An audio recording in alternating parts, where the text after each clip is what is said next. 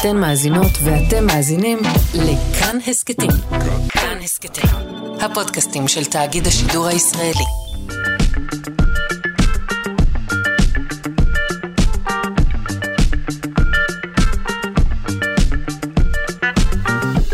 שלושה שיודעים. בוקר טוב, שבוע חדש, יום חדש למאזיני שלושה שיודעים, כאן בכאן תרבות. אה, נדבר היום על מיזופוניה. אה, מי שלא יודע מה זה ידע, ומי שכן יודע נאנח. בוודאי, הוא מקווה שאף אחד לא מצקצק ליד אוזנו. אה, נשמע על כך שצפייה באירועי ספורט חיים מביאה לרמות גבוהות יותר של שביעות רצון. אה, חוץ מזה, אה, נפנה כאן זרקור אל צלחת הפסח. נדבר על הביצים. בימי בית ראשון, וגם על חלמונים שנוספו לצבעים שבהם השתמשו המאסטרים הגדולים של הציור. יהיו פה גם עוד נושאים. עורכת אלכס לויקר, מפיקה תמר בנימין, אל הביצוע הטכני דמע קרנצוב. אני שרון קנטור, ואנחנו מתחילים.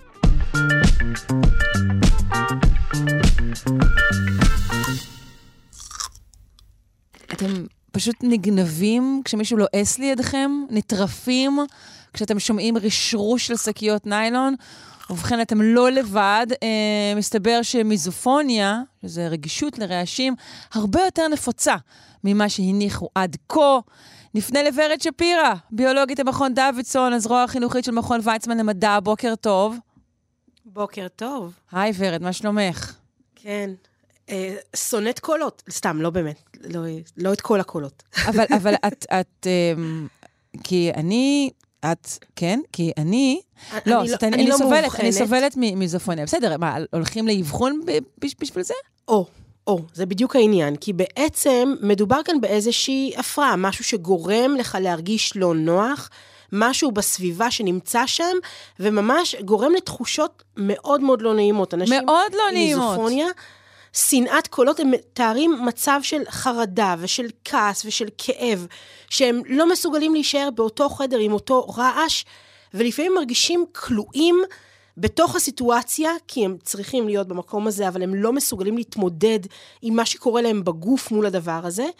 וזה מה שהביא למחקר החדש עליו אנחנו מדברים היום, של בעצם ניסו לבדוק כמה באמת מהאנשים בבריטניה הם מיזופונים. וזאת לא, אוקיי, אבל הגדרת באמת משהו נורא נורא קשה של תחושת כליאה, אבל אני מניחה שמדובר כן. בסקאלה. יש אנשים שלא מפריע להם כמעט בכלל, אה, נגיד נשימות כבדות. מן הסתם מדובר או... בסקאלה, כמו הרבה מאוד כן. דברים, אבל כן מדובר על אנשים שכשהם חווים את התחושה הזאת, הם באמת חווים משהו אמיתי בגוף, זה לא סתם הרעש הזה מציק לי, זה לא סתם איזושהי הצקה, זה, זה, זה משהו שבאמת הם חווים בתור מצב פיזיולוגי, ש, שממש מזוהה עם איזשהו איום שהם חווים כרגע, והם צריכים למצוא דרך להתמודד עם הסיטואציה. אבל בוא, בואי קודם כל נגדיר את סוגי הרעשים, קצת רמזתי עליהם, אבל או. זה לא, זה בדיוק ההפך מרעשים גדולים. זה לא אנשים שמוטרדים מהשיפוצים בדירה ליד. נכון. אז זה לא צעקות, ולא אנשים צורכים, ולא בכי של תינוק, אלא דווקא הרעשים ה... כולנו יודעים על איזה רעשים אנחנו מדברים, נכון? רעשים של נשימות של אנשים אחרים שנושמים חזק מדי, אמרו לך פעם שאת נושמת חזק מדי, או אנשים שלא מסוגלים שילעסו לידם, שממש קשה להם לשמוע את הלעיסות, את הנגיסות. יש אה, סצנה במחזמר שיקגו, של אה, אותה אה, אסירה שמספרת מה היא עשתה לבעלה כשהוא פוצץ מסטיקים בצורה חזקה מדי, ובגלל זה היא אסירה בבית הכלא עכשיו. וזה באמת משהו שהם חווים בתור איזשהו איום פיזיולוגי, וכשמנסים להבין מה זה המיזופוניה הזאת, מה היא עושה, אז פונים לחקר המוח, ובדקו במחקר קודם, לא במחקר האחרון, באמת אנשים שמגדירים את עצמם כמיזופונים, לעומת כאלה שלא מגדירים עצמם כמיזופונים, כלומר, אותם רעשים של נשימה או של לעיסה לא, לא מפריעים להם. אה, או כן מפריעים להם, וראו באמת פעילות מוחית שונה בין שתי הקבוצות האלה. כי ראו שאצל אנשים שמגדירים עצמם כמיזופונים, כשעושים בדיקה של FMRI, אה, רואים פעילות מוחית שונה, ורואים את הפעילות הזאת באזור שנקרא האינסולה, וזה אזור בקליפת המוח, שהפעילות אצלו מזוהה גם עם כעס. ועם uh, תחושות מאוד מאוד קשות. ואצל אותם אנשים, ברגע שהם חשופים לקולות האלה שמפריעים להם, האזור הזה נהיה הרבה הרבה יותר פעיל. האזור הזה גם, אה, אה, יש לו קשר לעיבוד אה, ויזואלי ועיבוד קולות אה, אה, מהסביבה. וכשהאזור הזה יותר פעיל, זה גורם ממש לאותו אפקט של אה, הילחם או ברח, אותו fight or flight, שכל כך טבוע בנו ביולוגית, של איזשהו איום שמאיים עליך, ואתה צריך עכשיו לעשות משהו עם הדבר הזה, ואותם אנשים חווים באמת איום אמיתי. אבל אוקיי, ורד, אנחנו יכולים להבין מדוע אה, רעשים גדולים אה, יכולים להפעיל את המנגנון הזה. למה, את יודעת, אה, כן. רעש מזכיר רעש של רעש אדמה או כל דבר אחר, יכול להפעיל את המנגנון הזה, או פיצוץ גדול. אבל למה שכרסום תפוח, אה, למשל, נכון, אז אנחנו או לא- מצמוץ אנחנו לא באמת שפתיים יודעים. יפעיל אצלי את המנגנון הזה? אני לא רואה שום, נכון. שום סיבה. נכון, אז אנחנו לא, שוב, לא שום סיבה, מה היתרון של הדבר הזה? ולפעמים אין יתרון לדברים, אין יתרון אבולוציוני לדברים, לפעמים זה שם. לא, אבל לפעמים יש לזה כי זה מקור, אני מתכוונת. משהו שהתגוון. עכשיו, עכשיו כשמנסים לברר מאיפה הדבר הזה מגיע, למה יש קולות בכלל שמעצבנים אותנו? למה יש קולות שמבהילים אותנו? למה, למה חריקה של ציפורניים על לוח ירוק גורמת לנו להזדעזע? אה, ולמה למה- למה יש אה, חריקות כאלה שהן מאוד מאוד קשות לנו, בעוד שדווקא בכי של תינוק זה משהו שאנחנו דווקא סבבה איתו, אנחנו לא נבהלים או נכנסים לאיזושהי... לא. אבל לבכי של תינוק כן הרי. יש הסבר אבולוציוני, נכון? זה נועד לכך שנדאג לצאצאינו. נכון. אז, אז יש קולות שאנחנו לא כל כך מבינים מה ההסבר האבולוציוני, ולמשל, כשעשו מחקר ובדקו את אותה חריקה של ציפורניים על לוח ירוק, וניסו לבדוק מה מפריע לנו ברעש הזה, למה כולם כל כך נחרדים ממנו, ניסו לפרק את הרעש הזה לכל מיני תדרים. וכשניסו לפרק אותו לתדרים, והורידו פעם אחת את הגבוהים ופעם אחת את הנמוכים, ובדקו אם עדיין יש לזה את אותה השפעה על בני אדם, ראו שדווקא התדרים הנמוכים, הקולות הנמוכים, הם אלה שגורמים לנו לזעזוע הזה. כשמורידים אותם, זה הופך להיות רעש שהוא נסבל. כשמשאירים רק את הגבוהים, זה בסדר, אבל הקולות הנמוכים בלבד גורמים לנו לחרדה ול, ולתגובה באמת שהיא מאוד מאוד קשה. ומה שחושבים, אחת ההשערות כמובן, זה שאולי יש לזה איזשהו הסבר אבולוציוני, כי זה דומה אולי לנהמות אזהרה של קופים. כלומר, זו איזושהי השערה של זיכרון אבולוציוני שקיים בנו, שאנחנו נכנסים למצב באמת של fight or flight, שנכנסים לאיזשהו אה, מצב שמכניס אותנו לכוננות, ואולי זה הדבר. עכשיו, חשוב גם להגיד שלא כל רעש שמבהיל אותנו, יש לו אה, עבר אבולוציוני איפשהו עם אבותינו הקופים. למשל, אה, מקדחה של רופא שיניים, למשל, אנחנו צריכים לזכור למה אנחנו לא אוהבים אותה. זאת אומרת, הרעש בלבד לא כל כך מפריע לנו, אלא הזיכרון של מה והקונטקסט והזיכרון של. טיפול ש- שאנחנו עצמנו אולי עברנו. בדיוק. כלומר, יש הרבה מאוד דברים שהם באמת טבועים בנו, כרעשים שמפחידים אותנו, כרעשים שקשים לנו, כל מיני רעשים שמגיעים כבהלה או בבת אחת, או, או.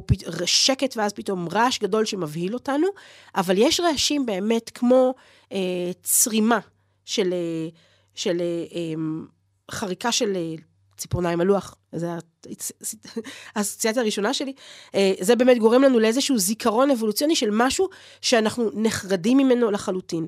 עכשיו, לא יודעים למה כרסום של סלרי או נשימות מפריע לחלק מהאנשים כל כך. באמת, לא יודעים מאיפ, מה, מה הבסיס של מיזופוניה, אבל בהחלט היום אנחנו יכולים להגיד שיותר ויותר אנשים סובלים מהתופעה הזאת, וכמו שאת אומרת, יש כאן כנראה גם איזשהו ספקטרום. יש אנשים שבאמת זהו, המחקר לא הזה- מסוגלים. כן, המחקר הזה מגלה משהו מדהים, הוא מגלה שאחד מכל חמישה אנשים אה, בבריטניה נכון. אה, חווה תגובות מיזופוניות, נכון. ופחות מ-14 אחוזים מאלו שנדגמו, היו מודעים לכך שהם סובלים לזה לפני הסקר.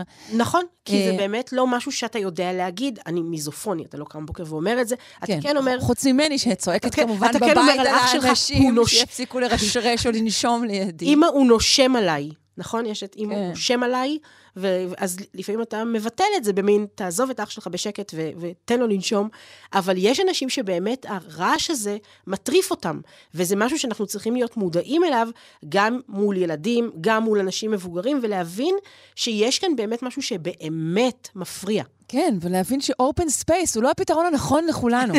אמ, לא לכולם. לא, לא לכולם. אני, יש עוד שני דברים בעניין הזה. המיזופוני נחשד לא אחת במיזנטרופיה. כי מה שמוזר זה שרבים מאוד מהרעשים אה, שלוקים בהם במיזופוניה הם רעשי אנוש קטנים וטבעיים, כמו שציינו, אה, נשימה, לעיסה, דברים ש, שכולנו עושים. זה, זה נכון, אבל זה בגלל שאנחנו מוקפים באנשים, וכשיש מישהו לבוא אליו בטענות, אתה בא אליו בטענות, אבל גם רעשים אחרים יכולים להפריע. רעש של אה, אה, טפטוף של, אה, של מרזב. נכון, או אם היינו עובדים נגיד עם אוגר. במשרד, אז אולי הרעש שלו רץ על. הגלגל היה עושה לנו את אותו דבר. הסיבה היא נכון, שאנחנו אבל- פשוט ליד בני אדם, אנחנו לא באמת נכון. שונאי אדם. אה, ודבר שני שגרם לי לחשוב עליו, זה שהעלייה במיזופוניה חלה במקביל, באופן מוזר, להתענגות של חלקים גדולים מהאוכלוסייה על רעשים דומים מאוד לאלה, וזו האוכלוסייה שמתענגת על, אה, על ASMR. אה, שזה, נכון. את יודעת, כל, ה, כל הרעשים אז זה- הקטנטנים המוגברים מאוד. זה מאוד מעניין, כי זה באמת מגביר לנו איזושהי תחושה, זה מפעיל לנו בצורה חזקה יותר אזורים במוח, אבל גם אנשים שאוהבים ASMR, אם אתה שימי להם את זה, שוב, אתה צריך להתכוונן עכשיו לשמוע ASMR, אתה לא פשוט הולך ו- ונהנה מהדברים האלה. אז יכ... אני לא יודעת אם יש קשר, אבל זה יכול להיות מעניין, מה קורה לאותם מיזופונים כשהם נחשפים ל-ASMR, זה יכול להיות מעניין לשני הכיוונים. גם אם יש קשר בין האנשים האלה, אם אלה אותם אנשים שמתענגים על קולות מסוימים, אבל לא יכולים לסבול קולות אחרים, או שאלה שתי קצוות של אותו ספקטרום. כן, שתי בדיוק. תוצאות מעניינות. מעניינות, שאני תוהה אם הן קשורות לעוד דברים כרגע בעולם, כי זה קצת מוזר שיש עלייה של שני הדברים האלה, פתאום של שתי תופעות, נכון. בוא נאמר לפני אה, עשור, אה, לא שמענו עליהן הרבה. אה, אבל בטח מחקרים עתידיים יביאו עוד מידע. אז אה, בקיצור, אה, אתם לא לבד, אה, מיזופונים. אה, יקרים, אה, ואתם גם אה, לא שונאי אדם בהכרח, פשוט יש לכם איזה הפרעונת, הפרעונצ'יקית. תודה רבה לך, ורד שפירא, ביולוגית לכם. דוידסון, הזרוע החינוכית של מכון ויצמן למדע. שלא תדעי כרסום. להתראות. ביי.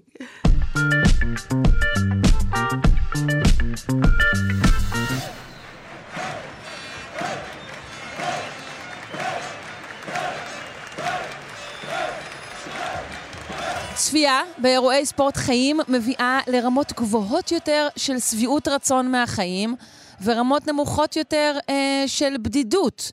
כעת נותר לשאול האם זה נכון אה, בגלל שהאירוע הזה מלווה הרבה פעמים בבירה, והאם זה נכון גם על משחקים בהם הקבוצה שלך מפסידה. נפנה לישי אלוני, פסיכולוג לספורט וביצוע. שלום. שרון, בוקר טוב. בוקר אור. אז אנחנו מדברים על uh, מחקר של ממש, מחקר רציני, uh, שבחן, uh, עשה סקר בקרב יותר מ-7,000 אנשים, נכון? נכון מאוד, נכון מאוד. מחקר של אה, שבע חוקרות מאוד מאוד רציניות מאנגליה, אגב, אה, שבחן, אה, נכון, 7,249 משתתפים. Mm-hmm. ומה מה בעצם המחקר הזה ביקש לבחון? Mm, יפה. אז שאלת המחקר למעשה שהחוקרות ביקשו לברר היא, כמו שאת ציינת, האם נוכחות באירועי ספורט משפרת איכות חיים סובייקטיבית ובדידות, מעבר לגורמים דמוגרפיים אחרים, אנחנו הרי יודעים את ההשפעות של אה, בריאות ועוני וגיל ותעסוקה על, אה, על הרווחה הכללית שלנו, והחוקרות ביקשו אה, לבדוק האם הגורם המשונה הזה של נוכחות באירועי ספורט חיים אה, משפרת את אה, תחושת הרווחה הסובייקטיבית, כן, החוויה הפרטית של המשתתף, מעבר לרכיבים האלה שציינתי. עכשיו, אנחנו מדברים על נוכחות פיזית אה, באצטדיונים, ב- באולמות, או שגם נכון. אה, צפייה בשידור חי בטלוויזיה אה, נמדדה במחקר הזה? החוק- החוקרות אה, מדדו למעשה, הם לקחו מתוך אה, פול מאוד מאוד גדול של אה, אה, מידע שאוסף אה, אה, משרד הבריאות בבריטניה, לפני הקוביד, דרך אגב, חשוב לציין. Mm, אה, אוקיי. יש להניח שהתוצאות יהיו קצת אחרות אחרי ההשפעה של המגפה המטורפת הזאת.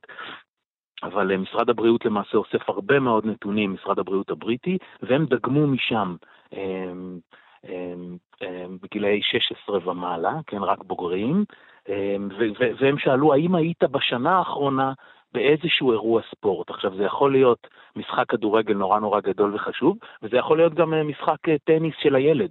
Mm, אוקיי. שזה mm. אחת מהמגבלות שהחוקרות מציינות uh, במחקר הזה, כן, אבל האם צפית באירוע ספורט בשנה האחרונה? זו מגבלה? זה נראה לי... הן מגדירות את זה כמגבלה, okay. אוקיי. כי זה בעצם uh, פותח פתח להרבה מאוד שאלות מחקר נוספות, אבל זה עניינים של אקדמאים okay. אוקיי. um, ש, שמתפלפלים, כן. אוקיי, okay, אז אנחנו, התוצאות, שוב, הן בדיווח עצמי מן הסתם, הן אה, יפות ואופטימיות, נכון? נכון, נכון, נכון. אה, אה, למעשה, בהיבט של... נמדדו, כמו שאמרנו, מחקרי, משתנים, מה שנקרא של well-being, כן? של עושר, חרדה, תחושת משמעות מהחיים, שביעות רצון כללית וגם בדידות. כן? ובהיבט של שביעות רצון, העשרה הוששה, גם משמעות הוא שלגבי עושר למשל, הם לא הצליחו, ההשערה שלהם הופרכה. כן נמצא שנשים, גילאים מבוגרים יותר ובריאות איתנה, כן תורמת לעושר, למשל. בהיבט של חרדה, לצערנו גם ההשערה הופרכה, כן? אבל בהיבט של בדידות, ההשערה בהחלט הוששה. כן, תוצאות בהחלט מרשימות. נראה שצפייה באיזשהו אירוע ספורטיבי משפיעה באותה מידה כמו גיל. למשל, וזה אחת מנקודות החוזק של המחקר. מה זאת אומרת כמו גיל? שככל שהגיל עלה, שביעות הרצון מהחיים באופן כללי גם עלתה, באותה מידה כמו שצפייה עלתה. כן, העלתה את שביעות הרצון. כך שיש פה למעשה הם, השפעה משמעותית, כמו גורמים דמוגרפיים. אם נלך אה, לצפות באירוע ספורטיבי, הם, יש סיכוי גדול שזה יעלה את ה-well-being שלנו. Uh, עד כמה באמת נבדק הנושא של הצלחת הקבוצה או הספורטאי uh, שאותו אתה מעודד, uh, כן. קשורה כן, לא לשביעות לא... הרצון מהאירוע? זה היא, נבדק? היא לא נמדדה, היא לא נמדדה. לא נמדדה? זה לא נמדדה. זה לא מחקר ספורטיבי, סליחה. זה מחקר יותר בפסיכולוגיה חברתית, זה נכון, אבל הוא, הוא מאוד מעניין גם אותנו, את הפסיכולוגים של הספורט והביצוע, כשאנחנו חושבים על, על ההשפעה של מי שצופה, אם ישירות או אם או בטלוויזיה, או, או הצוותים של המאמנים וכולי, אבל כולם מאוד מאוד מושפעים מזה. כן, אבל הרעיון שמעורבות פסיבית באירוע ספורט, צפייה או אפילו דרך הטלוויזיה, מקושרת לרמות גבוהות של עושר, אה, כלומר, זה כן גם דרך הטלוויזיה? בהחלט, זה... גם 아. אה. דרך הטלוויזיה, ונמצא גם שלעיתים זה יותר, ההשפעה היא גדולה יותר מאשר ההשתתפות עצמה. כלומר, זה שאני צופה במשחק, עושה אותי יותר מאושר מאשר לעשות את הספורט עצמו, למרות שאנחנו כמובן מעודדים את כולם טוב, זה, זה אפשר להבין, כי אתה כמובן. פשוט לא עושה את הספורט עצמו, אתה יכול נכון, לנוח. אתה ו... לא סובל ולא נפצע, ושותה בירה, כמו שאמרת. למשל, ושותת בירה.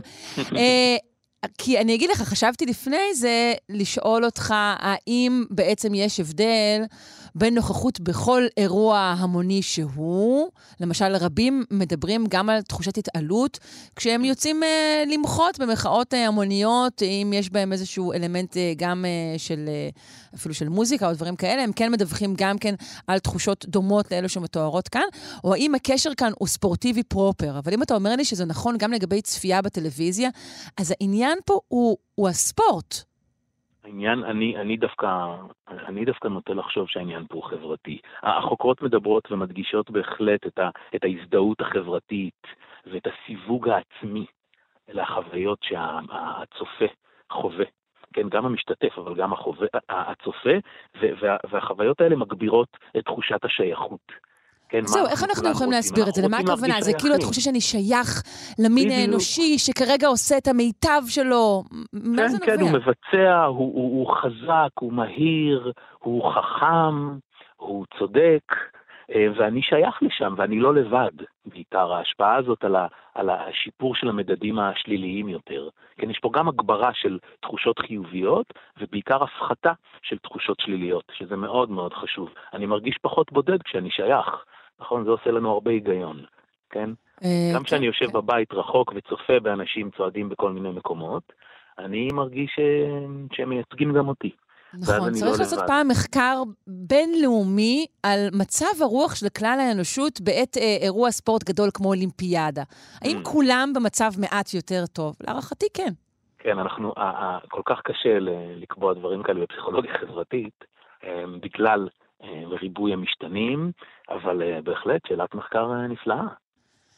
בסדר גמור, אז אנחנו מצטרפים, שלל ההמלצות הרפואיות של הזמן האחרון, כמו טיול בטבע, הנה מצטרפת גם המלצה נוספת, שזה צפייה באירועי ספורט חיים.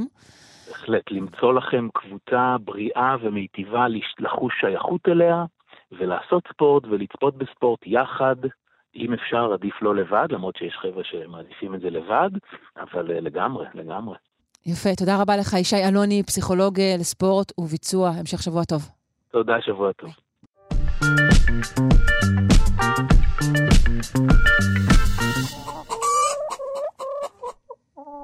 וכאמור, אנחנו רוצים כעת להפנות אה, זרקור אמיץ אל צלחת הפסח, ולשאול איך נראו הביצים בימי בית ראשון, וממתי אנחנו אוכלים בכלל ביצי תרנגולת על בסיס קבוע? נפנה לפרופסור זוהר עמר מהמחלקה ללימודי ארץ ישראל וארכיאולוגיה באוניברסיטת בר אילן. שלום. שלום, שלום. בוקר טוב, אה, לקראת חג שמח. אה, אז אנחנו רוצים, אה, כאמור, לשוחח על הביצה. ממתי אנחנו אוכלים בכלל ביצים ככה על בסיס קבוע? ובכן, התרנגול התרבותי המבוית הגיע אלינו לאזור המזרח הקרוב רק אה, בתקופת הברזל, אני מדבר בערך תקופת האלף אה, הראשונה לפני הספירה. גם אז הוא היה מאוד מאוד נדיר, רק בקרב החוג האליטות נקרא לזה, אולי אפילו כעוף ששימש למטרות שעשוע ומלחמות תרנגולים, יש לנו הוכחות לכך, אבל למעשה הוא נכנס לסל המזונות שלנו כמרכיב מאוד חשוב ומרכזי רק בתקופה ההלניסטית רומית. אה, אם לפני כן לא היו אוכלים ביצים, אז אני לא יודעת, אולי, אולי לתרנגולות הנקבות, אה, אולי הן זכו ליחס פחות טוב מאשר התרנגולים הזכרים? יש לך מושג? לא, אלי, אנחנו לא יודעים, אבל זאת שאלה מאוד מאוד uh, מעניינת. אפשר באמת uh, לומר שהייתה העדפה אולי לזכרים, כן, אבל בלי נקבות אין זכרים בתקופות הקדומות, אבל מאוחר יותר, זה כן מעניין, שכאשר הוא נכנס לסל המזונות, גידלו תרנגולות בראש ובראשונה לביצים ופחות לבשר. Mm. זאת אומרת, רק כאשר התרנגולת אה, מזדקנת, היו שוחטים אותה, ולמעשה ההפרדה אה, בין תרנגולות מטילות לתרנגולות לבשר, זה, אה, ההפרדה הזאת חלה רק במהלך המאה ה-20 כתוצאה מטיפוח של גזעים שונים של תרנגולות. כן. קשה אה, לחקור את כל נושא הביצים, שכן אה, קליפות ביצים הם לא דבר שמשתמר כל כך טוב, נכון? נכון, נכון. אני חייב לומר שכאשר אה, חיפשתי, אה, אה, נקרא לזה פירורים או שברי אה, ביצים אה, במחקר שלי, נתקלתי בבעיה מאוד גדולה. עד שהגעתי לחפירות של אה, דוקטור אה, אילת מזר, זיכרונה לברכה, שחפרה בעיר דוד, והסתבר לי שמצאו שם הרבה מאוד קליפות של ביצים, וכאשר התאפשר לי לבדוק אותם, בסופו של דבר מצאתי מתוך באמת מאות רסיסי ביצים רק מקום אחד שבו היה אפשר לחבר כמה קליפות גדולות ולשחזר ביצה אחת. אה, אז זה בעצם הייתה התגלית הראשונה, ובעקבות זאת החלטתי להעמיק את, המרח... את המחקר, ובסופו של דבר הצלחתי לבדוק אה, עוד כ-15 ביצים שלמות, שלמות לגמרי, וואו. אה, שנמצאו גם בארץ וגם בחוץ לארץ מתקופות שונות.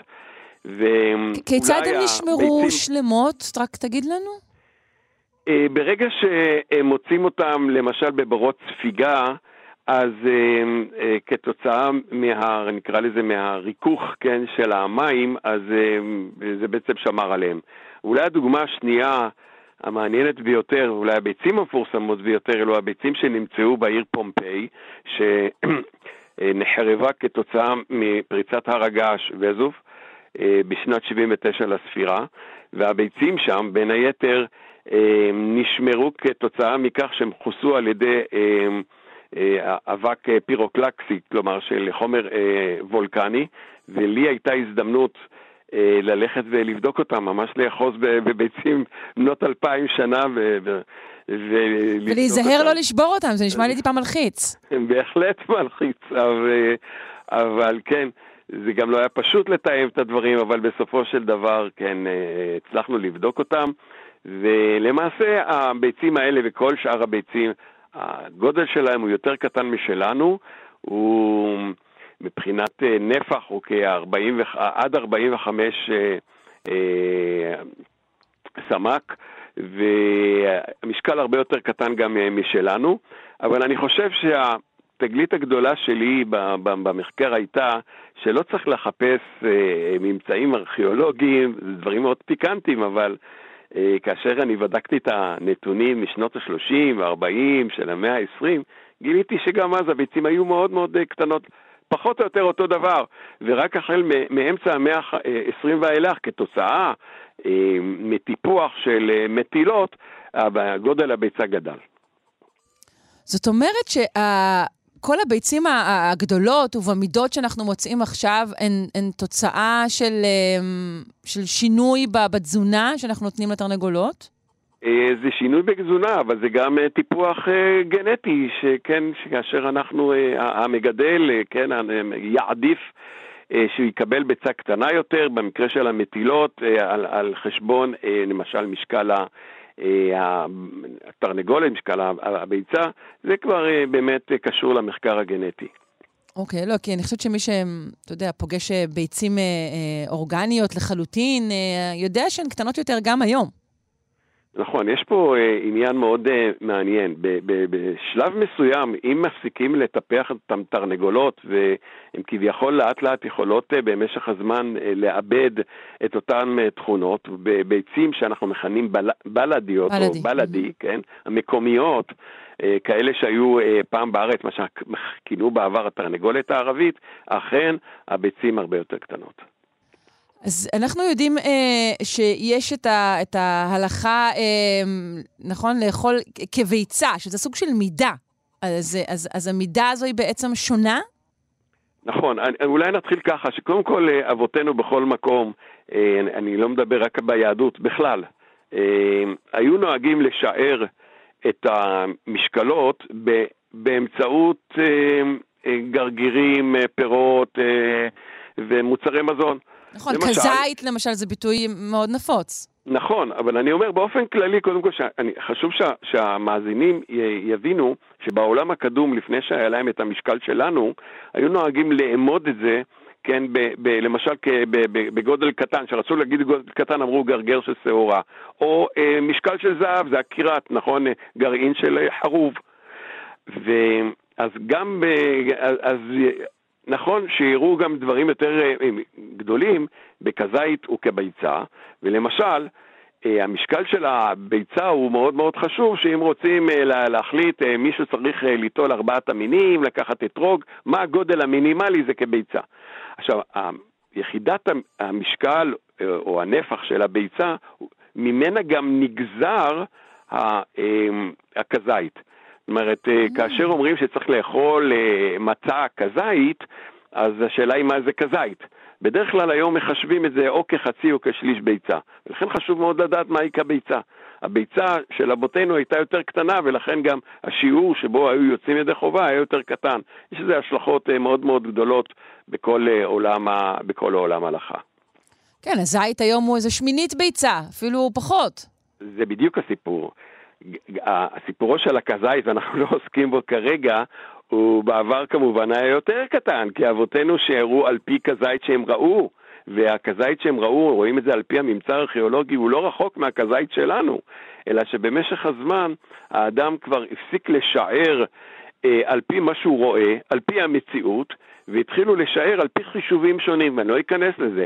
והחישובים האלה, כן, המאוחרים, הם, הם חישובים שהם הרבה יותר, הרבה יותר גדולים, יותר מחמירים נקרא לזה, מהמציאות שבה אה, חיו אבותינו.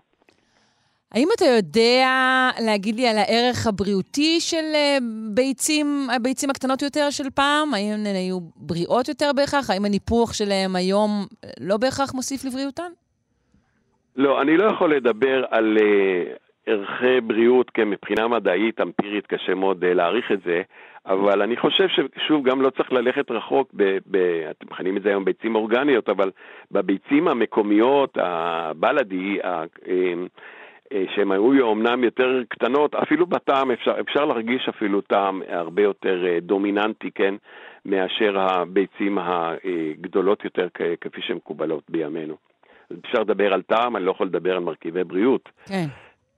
אלא על סוג של ריכוז, אפשר להגיד, לו דומיננטיות. נכון. יפה, אני מודה לך מאוד על השיחה. פרופ' זוהר עמר, המחלקה ללימודי ארץ ישראל וארכיאולוגיה באוניברסיטת בר אילן, וחג שמח. חג שמח, חיים חיים כל טוב.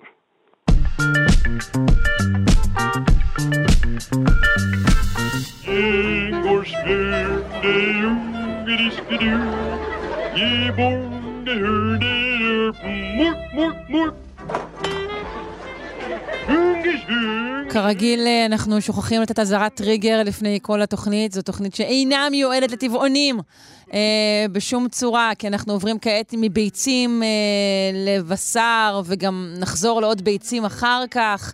אבל האמת שלא בהקשר של אכילה. אבל כרגע כן, אנחנו בתולדות התזונה האנושית של הדוקטור אורי מאיר צ'יזיק, מומחה להיסטוריה של התזונה והרפואה. שלום. בוקר טוב. אז אה, אתה יודע, שאלה ניטשת אה, ותשובה אין.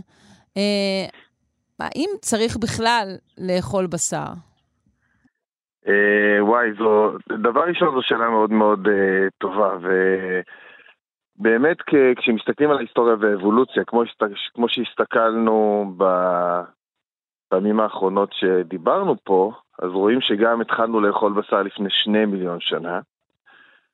לפחות, שזה המון המון זמן, וגם שהוא היה מאוד מאוד משמעותי בהתפתחות שלנו, בעצם בהפיכה שלנו להומו ספיאנס, לאדם הנבון. כן. אז נראה לי שהתשובה הראשונה שהייתי נותן היא יותר פשוטה לשאלה הזאת, וזה כן, אנחנו צריכים לצרוך מזון מן החי. גם דיברנו על הנושא של מה לצרוך במזון מן החי. כן, אבל השאלה היא האם האנחנו של היום זה כמו האנחנו שלפעמים מין כלשהו צריך איזושהי התנעה. כדי לקדם את עצמו אבולוציונית, ואולי אחר כך הוא יכול לוותר על הדבר. אז אה, תראי, זו שאלה מורכבת שאני לא בטוח שיש עליה תשובה. אבל השאלה היותר מסובכת שאני נתקל בה כל הזמן, אחרי שאני מלמד את האבולוציה של אכילת הבשר, זו השאלה כמה בשר לאכול. זאת אומרת, אם החלטנו שאנחנו צריכים מזון מן החי, כמה בשר לאכול? זו שאלה אה, אדירה דרך אגב, שהתשובה עליה היא מאוד מאוד מאוד לא פשוטה, היא מאוד מאוד אה, מורכבת. וגם בשביל השאלה הזו, התשובה לשאלה הזאת, אנחנו צריכים להסתכל על ההיסטוריה והאבולוציה שלנו. כי כמו שאמרנו, אנחנו אכלנו בשר לאורך אה, כל ההיסטוריה והאבולוציה שלנו, הרבה לפני שהיינו הומו ספיאנס, והשאלה כמה, צריך להסתכל שנייה ולנסות להבין כמה בשר אכלנו כשהיינו לקטים ציידים, כשהיינו חקלאים, נכון. מה המשמעות של זה, ו... כמה אכלנו בימי הביניים. כן. Mm-hmm. נכון, נכון, יותר קשה לדעת שהיינו לקטים ציידים, ואנחנו יודעים שכל החברות של הלקטים ציידים שאנחנו מכירים צרכו מזון מן החי, ולפעמים, תלוי באקלים ובאזור שהם אה, חיו בו, אז היו כאלה שצרכו יותר, היו כאלה שצרכו פחות, ו- אבל הפחות או יותר היה כמובן באופן יחסי לשאלה כמה צמחים הם uh, צרכו. היו כאלה שצרכו 20% מזון מן החי, היו כאלה שצרכו 50% מזון מן החי, זו גם אפשרות, אבל תמיד תמיד הכמות, לא האחוז, הייתה פחותה מהכמות שאנחנו צורכים היום. זאת אומרת, אם מסתכלים מבחינה אבולוציונית והיסטורית, אנחנו צורכים היום כמות בלתי סבירה של מזון מן החי. זאת אומרת, יכול להיות שבאחוזים הם צרכו יותר מאיתנו, אבל כמותית הם צרכו תמיד פחות מאיתנו. זאת אומרת, גם במקומות שבהם צרכו יחסית הרבה מזון מן החי, אנחנו אוכלים בכמויות, מזון מן החי בכמויות, ובכלל אוכלים בכמויות שהן בלתי נתפסות. כלומר, ככלל אנחנו אוכלים יותר מדי, צעדים, ובתוך זה אנחנו גם צורכים יותר מדי מזון מן החי. בדיוק, אתה יכול בדיוק. לסבר uh, את אוזני אולי, אה. Uh, כמה נגיד בארצות הברית, בערך כמה קילוגרם בשר uh, צורך אדם בשנה, שוב, ב- באמריקה? אנחנו מדברים על, אנחנו מדברים על uh, עשרות רבות של קילוגרמים, מעל 70 קילוגרם, אם אני לא טועה, אם אני זוכר את הנתון. נדמה לי שאפילו כמו יותר. שצריך, של, רק של בשר, כן. ואת את יודעת, מעבר לבשר יש פה גם מוצרי חלב, זה גם כן, חלבון מן החי, שיש נתונים שמדברים גם על אה, ו- מעל 100 קילו אה, וביצים. לשנה בארצות הברית, בכל אופן, אה, כן, בסין. אז, לא אז סתם אני. אגיד, אז אני אגיד שבאמת אחד הדברים המעניינים זה להסתכל אחורה, אז לקטים ציידים קשה לראות בדיוק את הכמות, אבל את יודעת, אני לפני שנים רבות הייתי באיזה כנס באוניברסיטת תל אביב, אם אני לא טועה, והייתה שם איזה חוקרת ידועה, שאמרה, עלתה על הבמה כמובן, ובהרצאה שלה היא אמרה שבקונסטנטינופול, לפני 500 שנה, אכלו המון בשר. ואני כמו סטודנט טוב הצבעתי ושאלתי מה, מה זאת זה אומרת, המון? בסוף ההרצאה, מהמם. מה זאת אומרת המון בשר, איך אנחנו מקמטים את זה. היה, היה לה קצת קשה לענות, בסוף אה, עשינו שיחה ככה אחרי ההרצאה בנפרד, ו... ואמרתי לה, תגיד, תני לי נתונים, מה זה המון בשר? אז היא אמרה, לפי הנתונים שיש לי, בכל אה, שבועיים שלושה, הכניסו לקונסטנטינופול בין 2,000 ל-3,000 ראשי כבש, וזה הבשר העיקרי שהם אכלו. אז אמרתי, טוב, בואו מהמם. נעשה חישוב, הוצאתי את המחשבון. אמרתי, טוב, נגיד, נגיד הכניסו 5,000 ראשי כבש בחודש. ונגיד כבש, צלצלתי ישר לחבר שמגדל כבשים, ביררתי כמה שוקל בשר של כבש שלם, למרות שסיכוי שהכבש אז היה כמו היום הוא קטן, אבל אמרתי, נלך לקראתה. אה, חישבתי, ואז אמרתי, טוב, כמה אנשים חיו בקונסטנטינופול באותה תקופה? אמרנו, יש אה, אה, כאלו שחוקרים שחושבים ש-500 אלף, יש כאלו שאומרים מיליון, אמרנו נלך על 500 אלף, אוקיי? מהמם. עשינו חישוב, יצא לנו בסוף שכל אזרח בקונסטנטינופול אכל 350 גרם בשר בחודש. אוקיי, שזה וזה מה שהיא אומרת, מעט מאוד, זה הרבה מאוד, ארוחה אה, וחצי שלנו היום. בשר. כן, אנחנו אה. בכלל לא מסוגלים לתפוס כמה הרבה בשר או מזון מן החי אנחנו אוכלים היום. בסדר, אבל אומר. אומר המאזין לעצמו, אבל אה, גם אה, בקונסטנטינופול לא, לא הפעילו את כמות המכשירים שאני מפעיל, לא צרכו את כמות המידע שאני צורך. רמת האנרגיה שלי היום היא אולי שונה מאוד, בכל מיני מובנים. בדיוק. אז זה, זה בדיוק להפך. זאת אומרת, דווקא אומר אנשים שאז גם הוציאו יותר אנרגיה מוציאים גופנית? יותר אנרגיה גופנית, שהולכים יותר, שעושים עבודות פיזיות, צריכים יותר. המוח צורך. המון אנרגיה, המון, המון.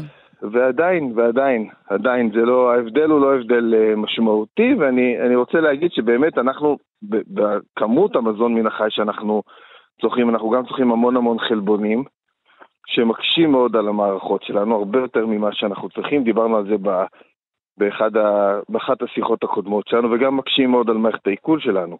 מערכת העיכול שלנו לא בנויה לעכל מזון מן החי באופן רציף. זאת אומרת, היא לא בנויה לכך שאנחנו נאכל מזון מן החי שלוש ארוחות ביום.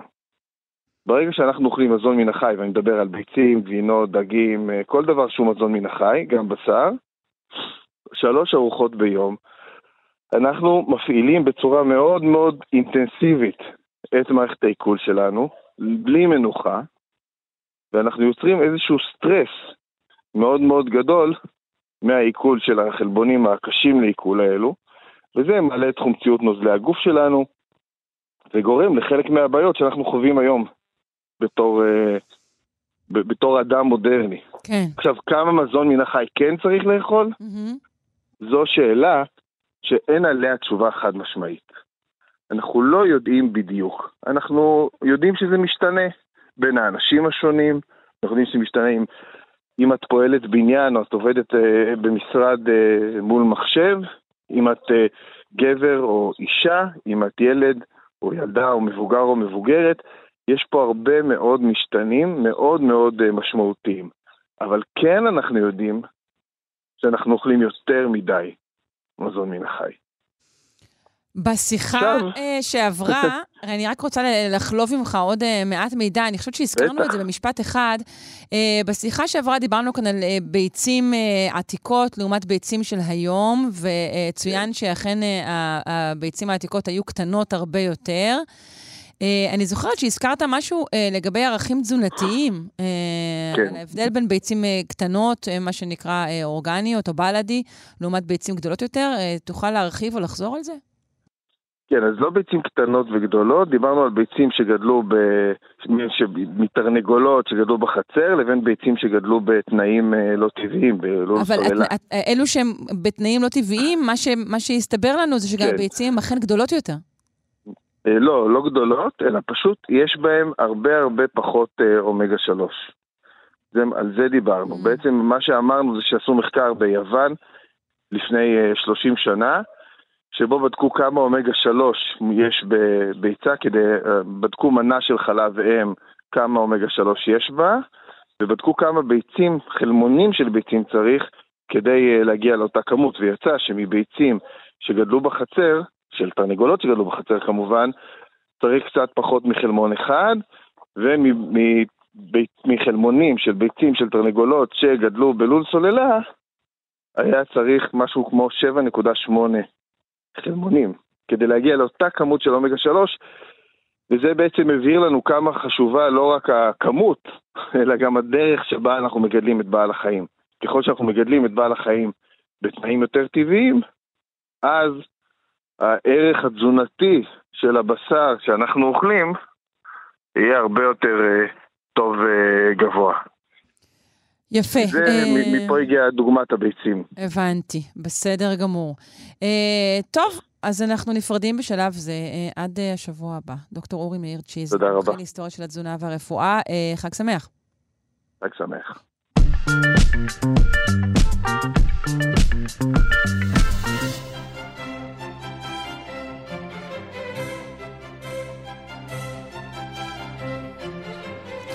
תעשה לי אה, בוטיצ'לי קומפלט עם ביצה.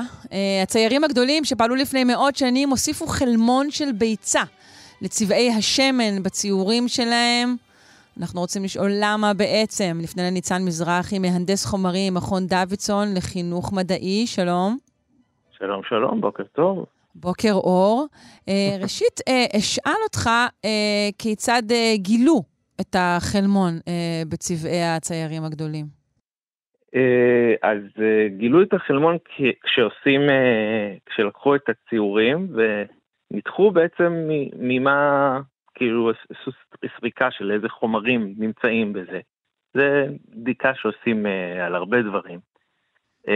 הבעיה היא זה שאחת, שרוב הבדיקות האלה הן בדיקות הרסניות. הרסניות. צריך לק... Mm, הרסניות, צריך לקחת חתיכה מהחום, מה, מהדגם, מהמדגם, במקרה הזה ציור, ובעצם להרוס אותו ולגלות ממה הוא עשוי. חס ו- כמו- אז בגלל זה אנחנו הרבה פעמים לא, לא, לא רוצים לעשות את זה יותר מדי. כן. אה, אה, אנחנו עוסקים כאן בציורים באמת אה, של המאות ה-15 עד ה-18 פחות או יותר, ומה שהתגלה במחקר הזה, זה שהוסיפו חלמון, חלמון ביצה טרי, נכון? לשמן. נכון, אני אדייק. למעשה ידעו ש... כן, זהו, זה דבר ששמעתי עליו בעבר, נכון. כן, למעשה ידעו. מה שהמחקר הזה עשה, אה, ידעו שיש חלמון ביצה, אבל אה, למעשה לא ידעו למה, למה הם שמים את זה. אה, וזה גם לא הופיע במתכונים, כאילו יש ספרי מתכון כזה של איך לייצר את הפיגמנט הזה, איך לייצר את הפיגמנט הזה, וזה לא מופיע במתכונים של האומנים, ולא היה ברור בדיוק מה, מה היה האינסנטיב, או יותר נכון גם מה היה המטרה הסופית.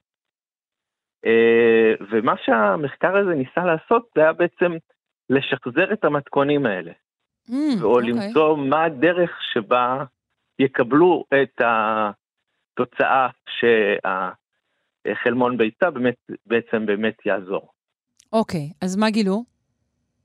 אה, אז למעשה הם ניסו שני דרכים שונות, הם פעם ניסו להכניס את החלמון אה, בזמן הערבוב של הפיגמנט עם השמן, אה, ופעם אחת קודם לה, אה, לערבב את הפיגמנט עם החלמון, לייבש אותו, ואז לערבב אותו עם השמן, Mm, והם גילו שכנראה הם, אה, עדיף היה, עדיף לערבב את הפיגמנט עם החלמון לפני, לייבש, ואז לערבב עם השם. באמת? הייתי מהמרת על השיטה השנייה לגמרי.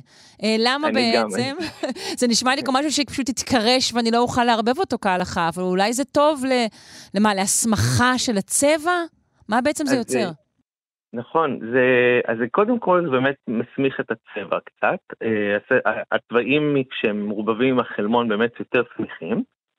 אה, אבל מה שהוא עושה, הוא עוטף, הפיגמנט, החלמון יוצר שכבה שעוטפת את הפיגמנט, את הגרגירים הקטנים של הפיגמנט, אה, ובצורה הזאת הם מגנים על הגרגירים האלה מלעבור חמצון אה, ולהיהרס.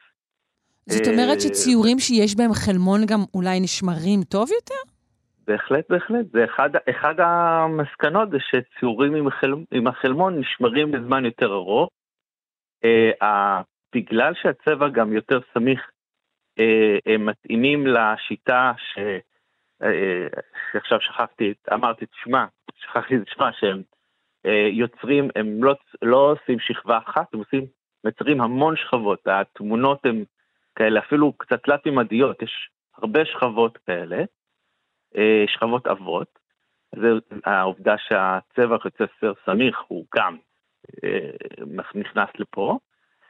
אה, אבל יש לזה מגרעה, שאחד הדברים שהצבע, השמן, כדי לה- להתקשות ולעבור אה, את התהליך, הוא לוקח לו יחסית הרבה זמן, בערך 70 שעות. שזה כמעט, של... כמעט שלושה ימים.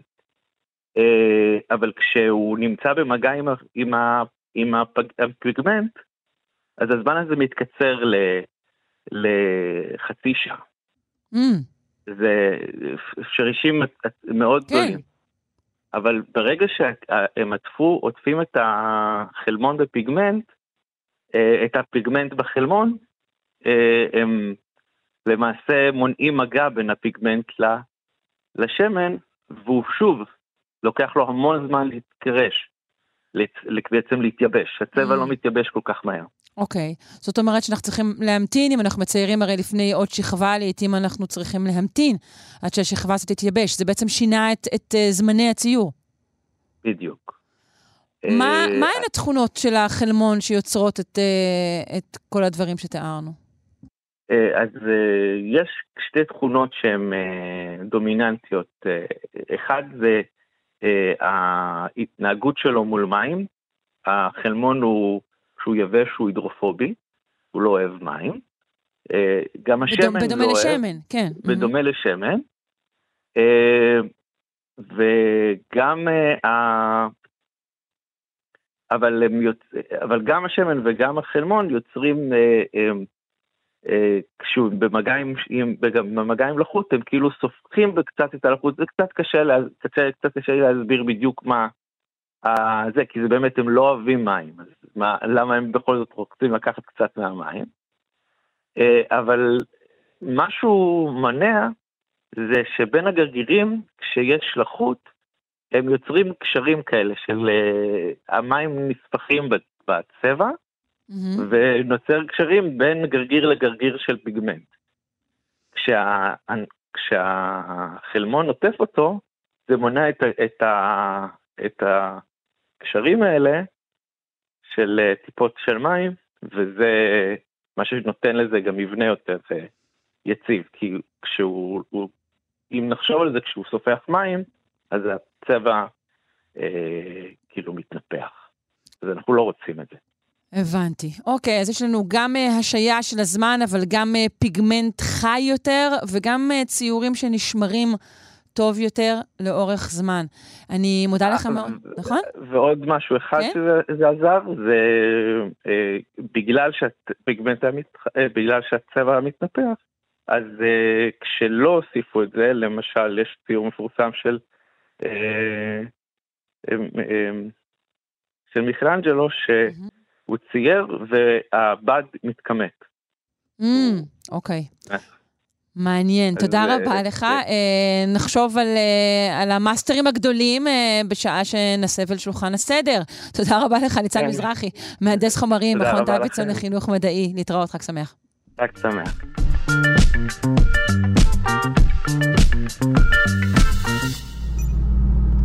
אנחנו כאמור עם פריצת דרך בחקר סרטן הלבלב אה, הקטלני. נפנה לפרופסור רותם קרני, הוא ראש המחלקה לביוכימיה וביולוגיה מולקולרית בפקולטה לרפואה של האוניברסיטה העברית בירושלים. שלום, בוקר טוב.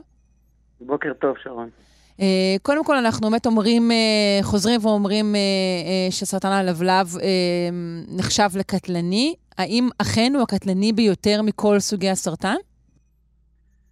אז יש כמה סוגי סרטן שבאמת אין להם כיום שום טיפול והם מאוד מאוד קטלניים. אה, סרטן לבלב הוא בהחלט אה, בין הבולטים שבהם. אה, סרטן מוח, גליובסטומה, הוא גם מאוד מאוד אלים, אבל בהחלט סיכויי ההישרדות ש, שקובעים לאורך מספר שנים הם ממש בין הנמוכים, באחוזים בודדים. כלומר, אחוזים בודדים מהחולים בעצם הם, הם שורדים עם המחלה צריכים הזאת. לחיות יותר מכמה שנים, כן.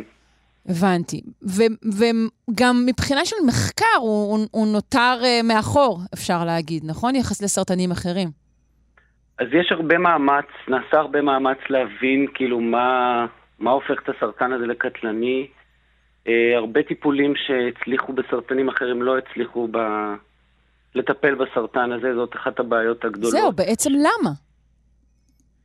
יש הרבה סיבות, אה, אחת מהן שהגידול הזה כנראה מאוד מאוד אה, מוגן בסביבה שלו, התאים שמקיפים אותו אה, מונעים הגעה של טיפולים של מערכת החיסון ודברים אחרים. וכן כן נעשו הרבה פריצות דרך בהבנה של מוטציות ושינויים ברמת ה-DNA של הגידול הזה שמובילים להתפתחות שלו. אבל הגידול הזה, כשמגלים אותו, הוא בדרך כלל, וזו אחת הסיבות שהוא מאוד קטלני, מגל, מגלים אותו בדרך כלל במצב שהוא כבר אה, שלח גרורות בגוף. אין הבנתי. כמעט סימנים לזה שהוא אה, התפתח, עד שזה כבר מאוחר מדי, ואנחנו ניסינו להבין בעצם במחקר למה, איך הוא נהפך להיות לשלב הגרורתי, כי כל גידול מתחיל בתור איזשהו גידול מקומי, ורק כשהוא מתחיל לפלוש זה השלב. הקטלני שלו. כן, אז בואו נדבר על המחקר אה, של הצוות אה, בראשותך, זה מחקר שפורסם בנייצ'ר. אה, מה עשיתם במחקר הזה? אז כדי באמת להבין איך הסרטן הזה הופך להיות אה, גרורתי ופולש לרקמות אחרות, אה, הסתכלנו על משהו שאחרים לא הסתכלו. אה, רוב הגילויים שנעשו היו באמת, כמו שאמרתי, ברמת השינויים הגנטיים בגידול, השינויים ב-DNA.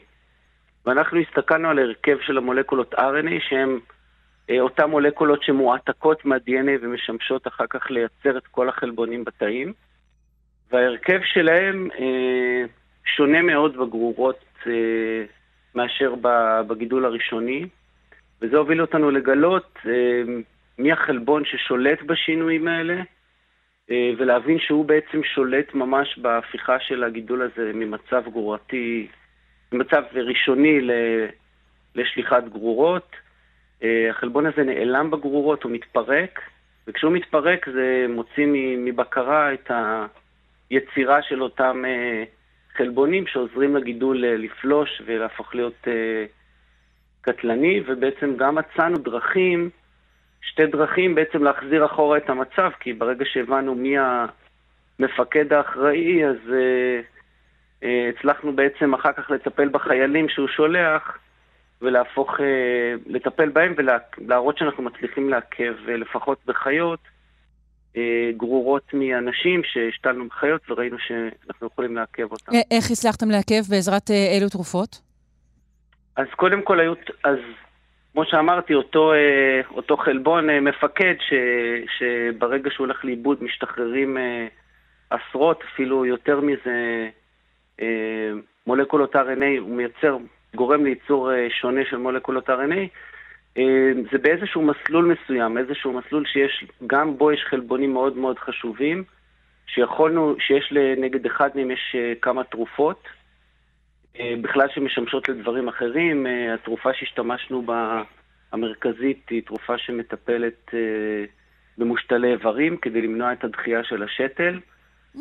אה, וכשהשתמשנו בתרופה הזאת, שהיא מעכבת איזשהו חלבון שהוא מתחת לאותו אה, חלבון מפקד, אז הצלחנו בעצם אה, לדכא את הגרורות, את היצירה של הגרורות.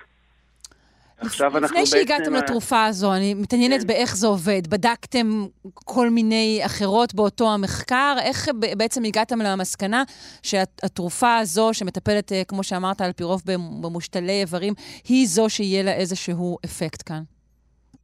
זהו, אז, אז קודם כל הבנו שאיזשהו חלבון שמתפרק, אחר, אה, כשאנחנו בדקנו מה קורה כשהוא מתפרק, אה, והשתקנו אותו בצורה מלאכותית, אה, עשינו ריצוף מאוד מאוד אה, מקיף של כל מולקולות ה-RNA בתא, ראינו את כל המולקולות שמשתנות, אה, ומתוך המולקולות האלה הבנו מי, המולק... מי החלבונים שאנחנו יכולים להשתמש בהם בתור מטרה או לעכב אותם כדי לעכב את אותו חלבון. זאת אומרת, זה נעצה מתוך, מתוך ידיעה. ברגע שגילינו את החלבונים הקריטיים האלה, אנחנו יכולים היום בשיטות גנטיות להשתיק אותם עוד לפני שהשתמשנו בתרופה, mm.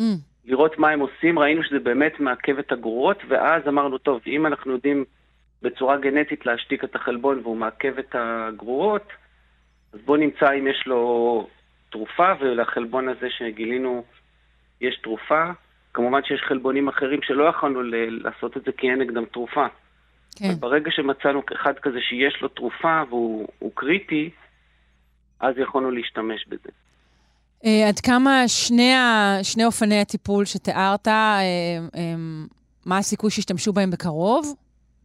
בחולי... זהו, אז, אז, אז אמרנו רק על תרופה אחת. תרופה, הסוג השני של הטיפול הוא משהו יותר מתקדם, שאנחנו עובדים עליו מאוד קשה בשביל להפוך אותו ל, לטיפול לא רק בסרטן לבלב, שזה בעצם איך להתערב ביצירה של אותם כן. מולקולות RNA שונות. זה קצת יותר רחוק מהקליניקה, אבל הפוטנציאל של זה... לא רק לסרטן לבלב, הוא מאוד מאוד גדול, אבל עדיין יש קש... קשיים טכניים אה, להביא את זה אה, לגוף של הבן אדם. אה, והתרופה הזאת, אנחנו ממש, אה, ממש מקווים ש... או אפילו במרכזים שאנחנו, מרכז שאנחנו נמצאים בו, אה, אה, אנחנו עובדים עם הדסה, אנחנו באוניברסיטה העברית, אנחנו בקמפוס של הדסה, אז יכול להיות שכבר בחול המועד יש לנו פגישה עם... אה, עם, אה, עם האונקולוגיה בהדסה לראות האם אנחנו יכולים להרים ניסוי קליני כזה. אה, אנחנו עובדים גם עם שיבא, אה, יכול להיות ששם גם אולי יקום משהו, אז אנחנו מאוד מאוד רוצים להביא את זה לכיוון, ה... לכיוון הניסוי הקליני, ש... לראות אם זה יכול לעזור לחולים. נהדר, נקווה אה, לטוב במהרה. אני מודה לך מאוד, פרופ' רותם קרני, ראש המחלקה לביוכימיה וביולוגיה מולקולרית בפקולטה לרפואה של האוניברסיטה העברית בירושלים. בריאות, חג רבה. שמח, להתראות. תודה רבה וחג שמח. ביי ביי.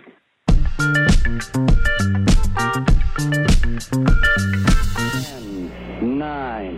Ignition sequence start. Six, five, four, three, two, one.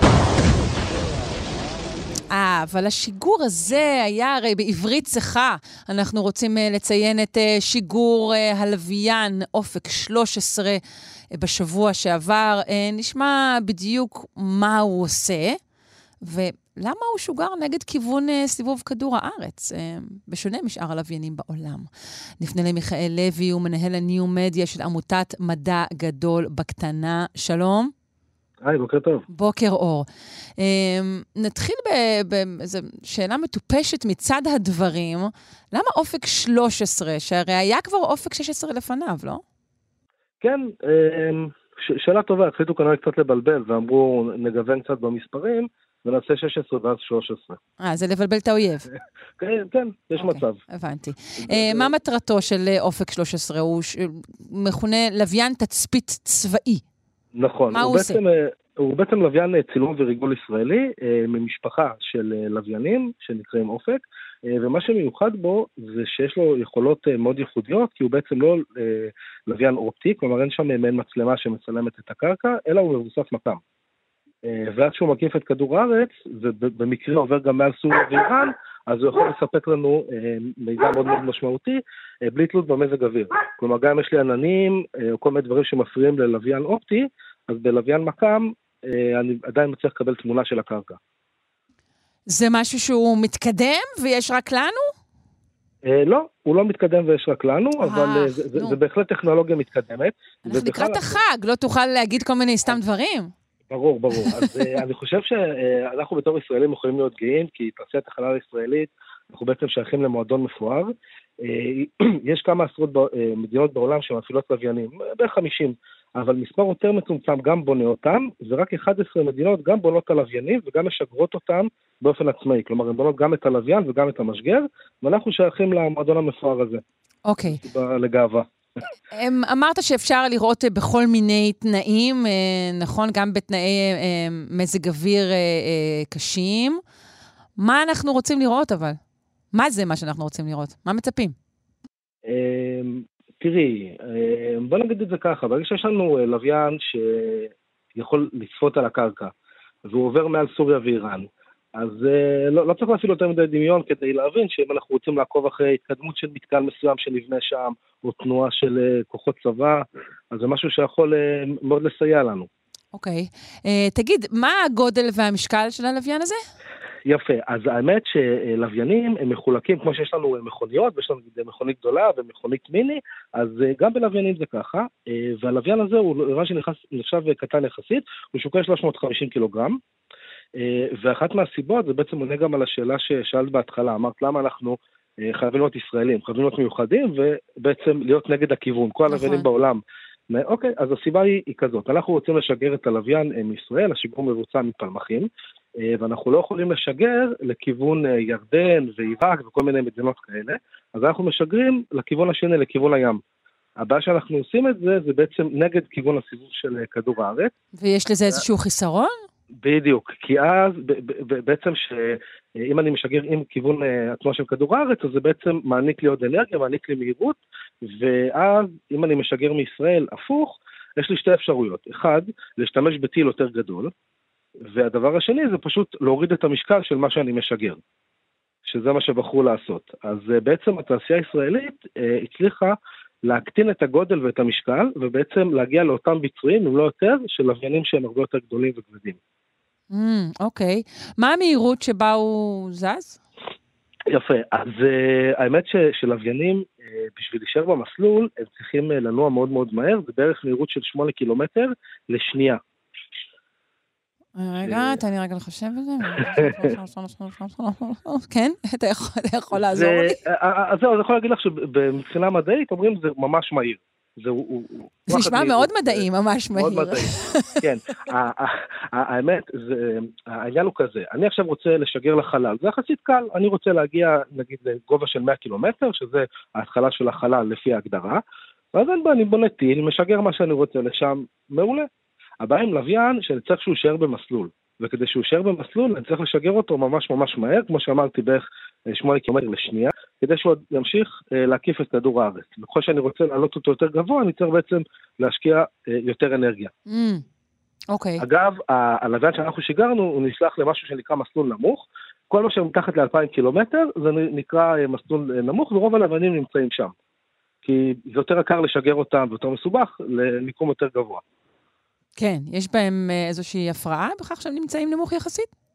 לא, לא. אה, לא, לך זה לא מפריע, נאמר? ככה. כן, אני סבבה, אני יושב כאן בפתח תקווה, לא מפריע לי הלוויינים. אבל אה, עולה באמת סוגיה אחרת, יש אה, כל מיני פרויקטים, כמו פרויקט של אילון מאסק, ופרויקט שהסינים מארגנים, שהם רוצים לפזר בחלל עשרות אלפי לוויינים קטנים. בשביל, לדוגמה, תקשורת אינטרנט, זה כן. פרויקט של אילון מאסק, ואז זה מייצר לנו הרבה מאוד בעיות, כי בעצם אותם לוויינים מסנוורים אותנו בכדור הארץ. וזה יכול להשפיע בצפייה אה, כוכבים על כוכבים וכוכבי לכת, אה, זה יכול להיות ממש בעיה. כן. אה, בסדר, כל העסק הזה יצטרך להיות אה, ממושטר ומסודר ממש בקרוב, זה כבר אה, הרבה מאוד לוויינים.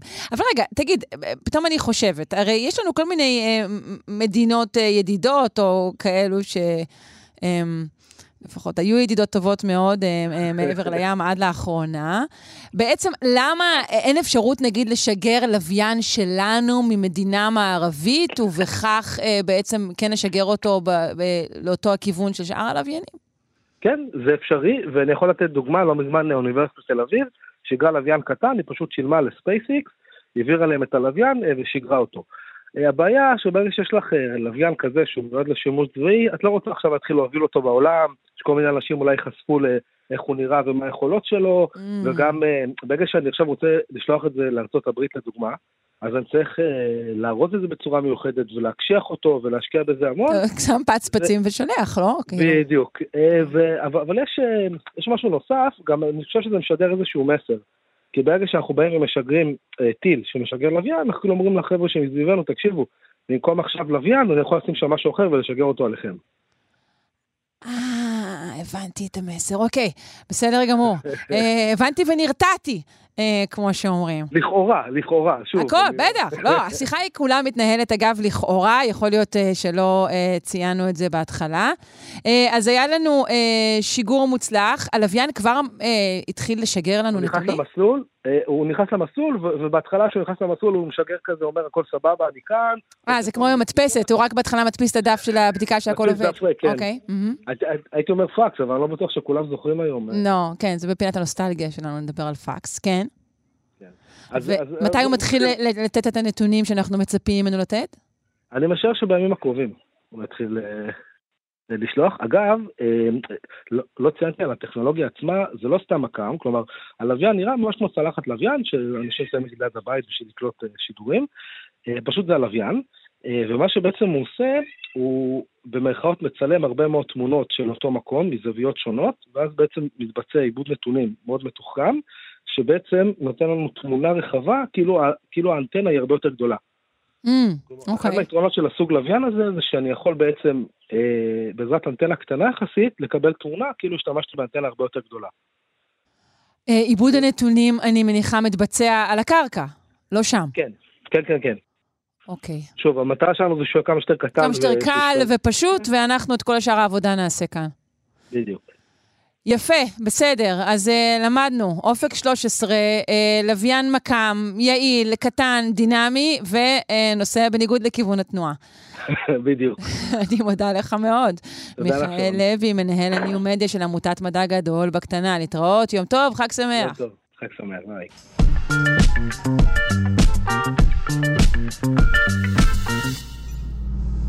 אנחנו רוצים לשאול כעת מה הם אה, כימיקלים נצחיים. נשמע טוב, לא? כימיקלים נצחיים. אה, אבל לא, אה, לא נראה לי שזה משהו טוב. אה, נפנה לדוקטור עידו שולט, מנהל היחידה לרפואת האם והעובר במרכז הרפואי רמב"ם. שלום, בוקר טוב. בוקר מצוין, מה שלומך שרון? אני בטוב, ואתה? אה, מודאג קצת בגלל התוצאות ובכלל, אבל אה, בשביל זה אנחנו מדברים על זה. נכון, נכון. אז בואו נדבר אה, על המחקר הזה. נתחיל בלשאול מה הם אותם Forever Chemicals. נכון, אז השם הוא באמת מתאר את הכימיקלים האלה, שזה יתרונם וזה חסרונם. זה כימיקלים שבבסיסם, בבסיס המולקולה יש קשר בין... פלואור לבין פחמן, והקשר הזה הוא מאוד מאוד חזק. הוא מחזיק שנים, המולקולות האלה לא מתפרקות, ולכן לתעשייה הכימית, אה, החומרים האלה מאוד קוסמים, הם גם לקוסמטיקה, לאיטום כנגד מים, למיכלי מזון, לקצף כיבוי, ועוד חומרים רבים שאנחנו באים איתם במגע יומיומי, הם מאוד קוסמים לתעשייה הכימית בגלל חוזקם, ומאידך המחיר שאנחנו משלמים, ש... הם לא מתפרקים לאורך שנים ומצטברים כפועל יוצא מזה. רגע, הם נמצאים, אתה מתאר, אה, בדברים רבים. זה, זה חדש שיודעים שהם מזיקים, לדעתי, כלומר, שוב, יש לנו פה נתונים חדשים על, על עד כמה ועל מה, אבל אני חושבת ש, שיודעים על הנזק שלהם כבר כמה זמן, האם אין אה, אזהרות על אה, מוצרים שונים, שימו לב, אה, אה, מייקאפ חדיש זה אה, עלול להכיל אה, אה, כימיקלים כאלה? נכון, הם נכנסו לשימוש נרחב ב... באמצע המאה ה-20, נכנסו לשימוש מאוד מאוד נרחב. ובשני עשורים האחרונים אה, נדלקו נורות אזהרה בהמון תחומים. בתחום שלי למשל, של רפואת האישה, אנחנו יודעים שהם קשורים לבגרות מינית מוקדמת. הם קשורים למחלה ששמענו עליה לאחרונה שנקראת אנדומטריוזיס. הם קשורים למצב שנקרא תסמונת השחלות הפוליציסטיות. אה, יש אה, שקשרו אותם ללידה מוקדמת ולרעלת. אז כך שבשנים האחרונות אנחנו בהחלט מודעים לנזק פוטנציאלי. כן, אבל אה, עדיין אה, אה, אני חושבת לפחות שאין מספיק אה, אזהרות על אה, מוצרים שמכילים אותם. בואו נדבר על הממצאים החדשים. נכון, אז מדובר במחקר שבוצע בסינגפור בשיתוף עם קבוצה אמריקאית, וחלק ממחקר גדול יותר של אלף נשים צעירות ובריאות מסינגפור שרצו להראות. ומתוך האלף נשים האלו ב-382, כמעט ב-400, בדקו באמת את הכימיקלים האלה שנקראים פר פלואורו-אלקיל, ובדקו, אנחנו מכירים אה, מאות אם לא אלפי וריאנטים של הכימיקלים האלה, בדקו את, ה, את השמונה הווריאנטים העיקריים, וחילקו את ה-382 נשים האלו לרבעונים, וראו שבכל רבעון יש ירידה בין חמישה לעשרה אחוז בנשים צעירות שרצו להראות בשיעורי ההריונות, ובזמן שלקח להשיג את ההריון, ובשיעור לידות החי, במצטבר, הייתה ירידה של בין 30 ל-40 אחוז בהסתברות להשיג הריון, או ללדת לאחר אה, שנה של מעקב. רגע, רגע, אבל איפה בדיוק נעשתה הקורלציה בין החשיפה אה, אה, לכימיקלים האלו לבין אה, הירידה בפוריות שתיארת? אז, אז שוב אני אה, מדגיש, זה ההבדל בין association ל-causation. כלומר, בין החשיפה לסיבה. אנחנו יודעים שהחשיפה, נשים שבדם שלהם רמת הכימיקלים האלה גבוהה יותר, לוקח להם יותר זמן להיכנס להיריון, ובמידה והם אה, נכנסים להיריון, הסבירות ללידת חי יורדת. לפי המחקר הזה, זה היה ירידה מצטברת של בין 30 ל-40 אחוז, אבל שוב, אנחנו עדיין צריכים להתייחס לממצאים האלו מאוד בזהירות, זה חלק מקבוצה רחבה יותר של חומרים שנקראים משבשים הורמונליים, endocrine disruptors. אלה חומרים שמשפיעים על המערכות ההורמונליות שלנו, אנחנו נחשפים להם פה, למש... המאמר הזה מציג ירידה בשיעור הפוריות, אבל אותי יותר מדאיג דווקא כשאישה נכנסת להיריון ויולדת, מה ההשפעה ארוכת הטווח על הילוד שלה. ועכשיו אה, אה, חזרתי, מעניין, מה... נכון. חזרתי מהכנס הבינלאומי שלנו ל... ש... ש... שעוסק בנושאים האלה באוסטרליה, בדיוק חזרתי לפני שבוע מהכנס. הוצגו שם שורה של מחקרים מרתקים בנושא הזה, אני אתן לך לדוגמה, מצאו בשיליות חלקיקי מיקרופלסטיק. מיקרופלסטיק מהסביבה שחדר לשיליות, עכשיו מנסים להבין מה, מה המשמעות של זה. אבל אין ספק שכמו שאת אומרת, הנוכחות של הכימיקלים האלה בסביבה שלנו, שהם הם כל כך נפוצים בסביבה שלנו, אין ספק שהם חלקם מגיעים לשליה, כפועל יוצא מזה קיים הפוטנציאל להשפעה ארוכת טווח. פה המחקר הזה מדבר על נשים שלא הצליחו להשיג הריון, שזו צרה בפני עצמה, אבל במידה ומושג הריון, חשוב לנו מאוד מה ההשלכות ארוכות הטווח של זה להמשך חיי הילוד ובהמשך הבוגר. כן, uh, המחקר הזה, uh, שוב, שאמרת כבר שצריך להתייחס אליו בזהירות, הוא, הוא נשען על, על דיווח עצמי או על uh, בדיקות? נכון, זאת אחת החסרונות. בעצם הם עברו שלושה ייעוצים טרום-הריוניים במהלך המחקר, ואחרי זה הקשר היה טלפוני והתבסס על דיווח של אנשים. ותמיד כשיש מחקר שזו המתודולוגיה שלו, אז ביתרונות ובחסרונות זה מוזכר בחסרונות, שהנתונים התבססו על דיווח עצמי אה, ש, שנמשך לאחר שלושת המפגשים שהיו. וזו בהחלט חולשה של המחקר הזה. אוקיי. Mm-hmm, okay. אבל אם היית, היית אומר שבאופן עקרוני הם, בעולם יש ירידה בפוריות? תראי, אנחנו עדים לירידה דרסטית בפוריות הגבר בעשורים האחרונים, בזה אין ספק. וזה דבר שקורה בכל העולם, או יותר בעולם המערבי? הוא, זה, זה, ניתן להסביר את זה בזה שבמדינות המאוד עניות זה לא קורה כי אין שם תעשייה. במדינות המאוד... דווקא במאוד עניות אין תעשייה? חשבתי שמעבירים לשם את רוב התעשייה שלא רוצים אצלנו.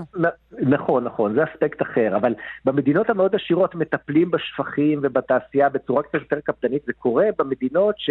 שהן באמצע, שיש mm. תעשייה כימית אה, חזקה ולא מספיק מטפלים ב... ב... בתוצרים ובתוצרי לוואי של, של התהליך. כן. אוקיי, אז אמרת שאתם חווים קודם כל ירידה בפוריות ב- באיכות הזרע של הגברים, אבל גם, אנחנו רואים גם ירידה כללית בפוריות הנשים? אה, זה המון משתנים מעורבים בזה, לעומת למשל אה, נשים שמחליטות לדחות את ההיריון הראשון שלהן. והגיל הוא גורם קריטי, כמו שאנחנו יודעים. מאוד קשה לבודד פה משתנים, אבל התמונה שמסתמנת היא, למשל, אנחנו כולנו מודעים, מודעים לעלייה בשיעור האוטיזם ולדיון האם העלייה הזאת נבעה משיעורי האבחון הגדולים יותר שאנחנו מציגים היום, כנראה שלא, כנראה שיש עלייה אמיתית. אה, עלייה בסמנים להפרעות אנדוקריניות כאלה, כמו המרחק האנוגניטלי, המרחק בין פי הטבעת לאיבר המין, שהוא סמן מוקדם לשיבוש הורמונלי שיכול להשפיע בהמשך. אה, זה דבר שאנחנו רואים? שינוי במרחק הזה? נכון. אני אה, קיבלתי אה, מענק מחקר מהמשרד להגנת הסביבה. לבדוק את uh, תוצרי ההיריון במפרץ חיפה בהשוואה לגוש דן, ואנחנו uh, מצאנו במחקר שלנו, שהוא בוצע במתודולוגיה מאוד קפדנית, לא הסתמך על שאלונים, בדיקת רופא מומחה, אותו צוות רופאים שהוכשרו במיוחד במרכז ואצלנו ברמב"ם, המחקר הזה בשיתוף עם uh, בית חולים שמיר, פרופסור ברקוביץ', פרופסור עמליה לוי מבאר שבע, ומצאנו הבדל מובהק במרחק האנוגניטלי, במרחק בין פי הטבעת לאיבר המין, אה, בעיקר בבנים, יותר מובהק מאשר בבנות, וזה מדאיג כי זה סמן מוקדם להפרעה הורמונלית, ואנחנו לא יודעים מה ההשלכות בהמשך. וואו, מדהים.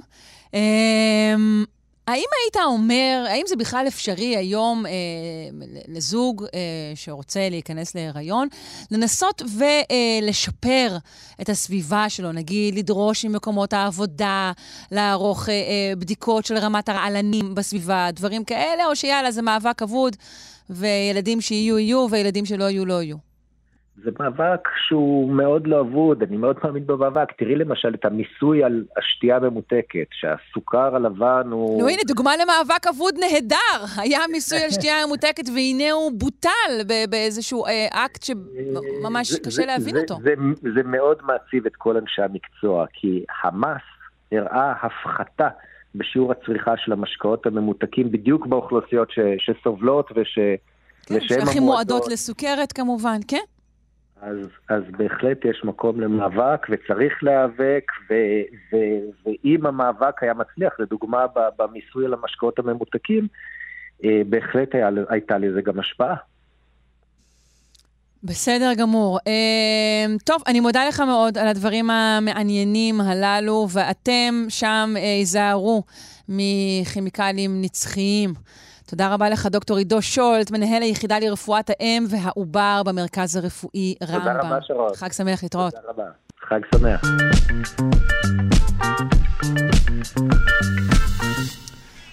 אנחנו אה, נשארים עם אה, הריון, אבל עוברים לעטלפות, שמסתבר שגם הן לוקות במשהו שניתן להגדיר אותו כמעין טפשת הריון.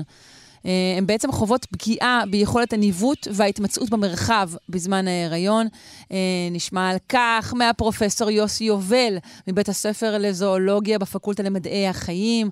הוא ראש בית ספר סגול למדעי המוח באוניברסיטת תל אביב. שלום. בוקר טוב, שרון. בוקר אור. אה, מה אנחנו מגלים על העטלפות? האם אכן אותו ביטוי שאני לא מתה עליו, טפשת הריון? יש נכון, להם משהו כזה? באנגלית זה pregnant brain, אני חושב שזה עדיף. נשמע יותר טוב, אוקיי. זאת אומרת, זה משהו שאין לו שיפוט, זה המוח ההריוני, יש לו נכון. יתרונות וחסרונות. נכון, אנחנו לא ממש הסתכלנו על המוח, זה כבר, אה, את יודעת, היחס קצת חיברו את הדברים. אנחנו הסתכלנו על החישה. מה שבעצם עשינו, זה לקחנו נקבות בהיריון והקלטנו את האקולוקציה, את הסונאר שלהם. אנחנו יודעים שהטלפים משתמשים בסונאר, הם משמיעים קולות, נכון? והם קולטים כן, הדים. הם קולטים את, את ההחזרה של הקולות האלו מה, מהחלל שסביבם והעצמים שסביבם, וככה הם מנווטים את דרכם. בדיוק, ככה הם מתמצים, מנווטים, טורפים, ומה שמצאנו זה שהם בעצם, האקולוקציה שלהם משתנה בזמן ההיריון, הקצב שידור הקריאות שלהם יורד בכ-15-20 אחוז. אוקיי, עכשיו, זה, זה אומר בעצם שהם רואים את העולם פחות תדיר, אוקיי, לצורך אה, העניין, אמ, וזה, ככה אנחנו מראים גם באמצעות אנליזות אה, ממוחשבות, זה גם אמור לפגוע ביכולות האיתור טרף שלהם למשל, ביכולות ההתמצאות שלהם. אוקיי? כלומר, יש לזה, יש לזה השלכות על, על כמה מזון אה, הטלפה ההריונית משיגה לעצמה. אז זהו, אנחנו לא מוכיחים את זה, כי בשביל זה זה מאוד מאוד קשה, צריך איכשהו לעשות את הניסוי בשדה, אבל כל הראיות תומכות uh, בכך שזה uh, המצב. זה כמעט, uh, כמעט מתבקש מאליו שזה המצב, ש, שאני מתכוון שיש את הירידה הזו בפרפורמנס, בביצועים, כי בעצם האקולוקציה של הטלפים מתפתחה במשך עשרות מיליוני שנים, והיא מאוד מאוד מדויקת כשהטלף עף לכיוון טרף הוא משמיע קולות בקצב מאוד מאוד מדויק, באמת, אם משווים עשרות עטלפים רואים את אותו קצב, ופתאום אנחנו רואים ירידה כזאת דרמטית של 15-20 אחוז, אין כמעט ספק שיש לזה השפעה כלשהי. הירידה נובעת מזה, מהאופן שבו הן משמיעות את הקולות האלו? יפה, אז מה, ש, מה שאני מדמיין לעצמי, לא הייתי בהיריון אף פעם, אבל אה, אה, מדובר בעלייה... מאחלת לך, עוד לא מאוחר. בדיוק, אה, לצערי לא הייתי, לא חוויתי את זה ולא אחווה כנראה. אבל uh, uh, מדובר בעליית, uh, במשקל גוף של כ-15-20 אחוז. אגב, זה הטלפות ששוקלות ברגיל 6 גרם, זה המשקל שלהן כבוגרת. אוי, איזה קטנות. אוקיי. בדיוק, אז אנחנו מדברים על עכשיו עלייה ל-7.5, אבל עדיין עלייה מאוד משמעותית בשבילן. כן. ועם כל הלחץ הזה, בעצם הטלפים, כשהם משמיעים את הקולות, הם מייצרים לחץ אוויר מאוד מאוד חזק, שעולה מהריאות דרך uh, מיתרי הקול, uh, כן, מיתרי הקול זה השם המקובל לזה נגיד, הפופולרי, וגם ככה, תחשבי שלצעוק 50 פעם בשנייה בערך, לפחות, אה, זה דבר לא מעייף. לא פשוט, כן. בדיוק, וכדי לעשות את זה, וחזק, לצעוק מאוד מאוד חזק, אולי הקולות הכי חזקים בטבע, בין הקולות הכי חזקים בטבע, ולעשות את זה, כדי לעשות את זה, הטלפים פיתחו בעצם סינכרון בין הקריאות לבין הנשימה, אוקיי? בזמן שהם נושמים, עם כל נשימה יש גם משק כנף וגם שידור מאוד מאוד חזק, והקפלינג, הצימוד הזה מאפשר להם לעשות את הדבר הזה עם השקעת אנרגיה מינימלית. ואני מניח שבהיריון, אנחנו לא בדקנו את זה ממש ישירות, אבל עם כל העלייה במשקל וכל הלחץ אה, אה, בקרקעית הבטן, בתחתית הבטן, אה, קשה יותר, אה, וגם באמת אה, דיברתי עם נשים שהיו בהיריון ואומרות שהנשימה קשה יותר, או יש גם ממצאים כאלה, אני מניח שהדבר פשוט קשה להם יותר, ולכן הן מאטות את קצב השידור, ובעצם דוגמות את העולם בקצב יותר נמוך. אפשר היה אולי לתאר את זה כאילו היינו רואים את העולם בהילוך איטי יותר במצב כזה, או משהו כזה. כלומר, ייתכן, אני לא יודעת אם בדקת, שגם סתם אה, שסובל מעודף משקל, גם הוא אה, היה מתקשה יותר להפיק אה, את הקולות האלו? אז האמת שזו שאלה מאוד מעניינת, כי באמת הטלפים עולים במשקלם במהלך הלילה, לפעמים 20 אחוז. אוקיי? הטלפים שהם ציידים מוצלחים יכולים בתוך חצי שעה לעלות ב-20% ממשקל גופם. למעשה פעם לכדנו, הטלפים, והייתי בטוח שזה נקבות בהיריון, עד שהסתכלתי וראיתי בגניטליה שלהם שמדובר בזכרים בהיריון, כן? פשוט זכרים שאכלו הרבה מאוד כן.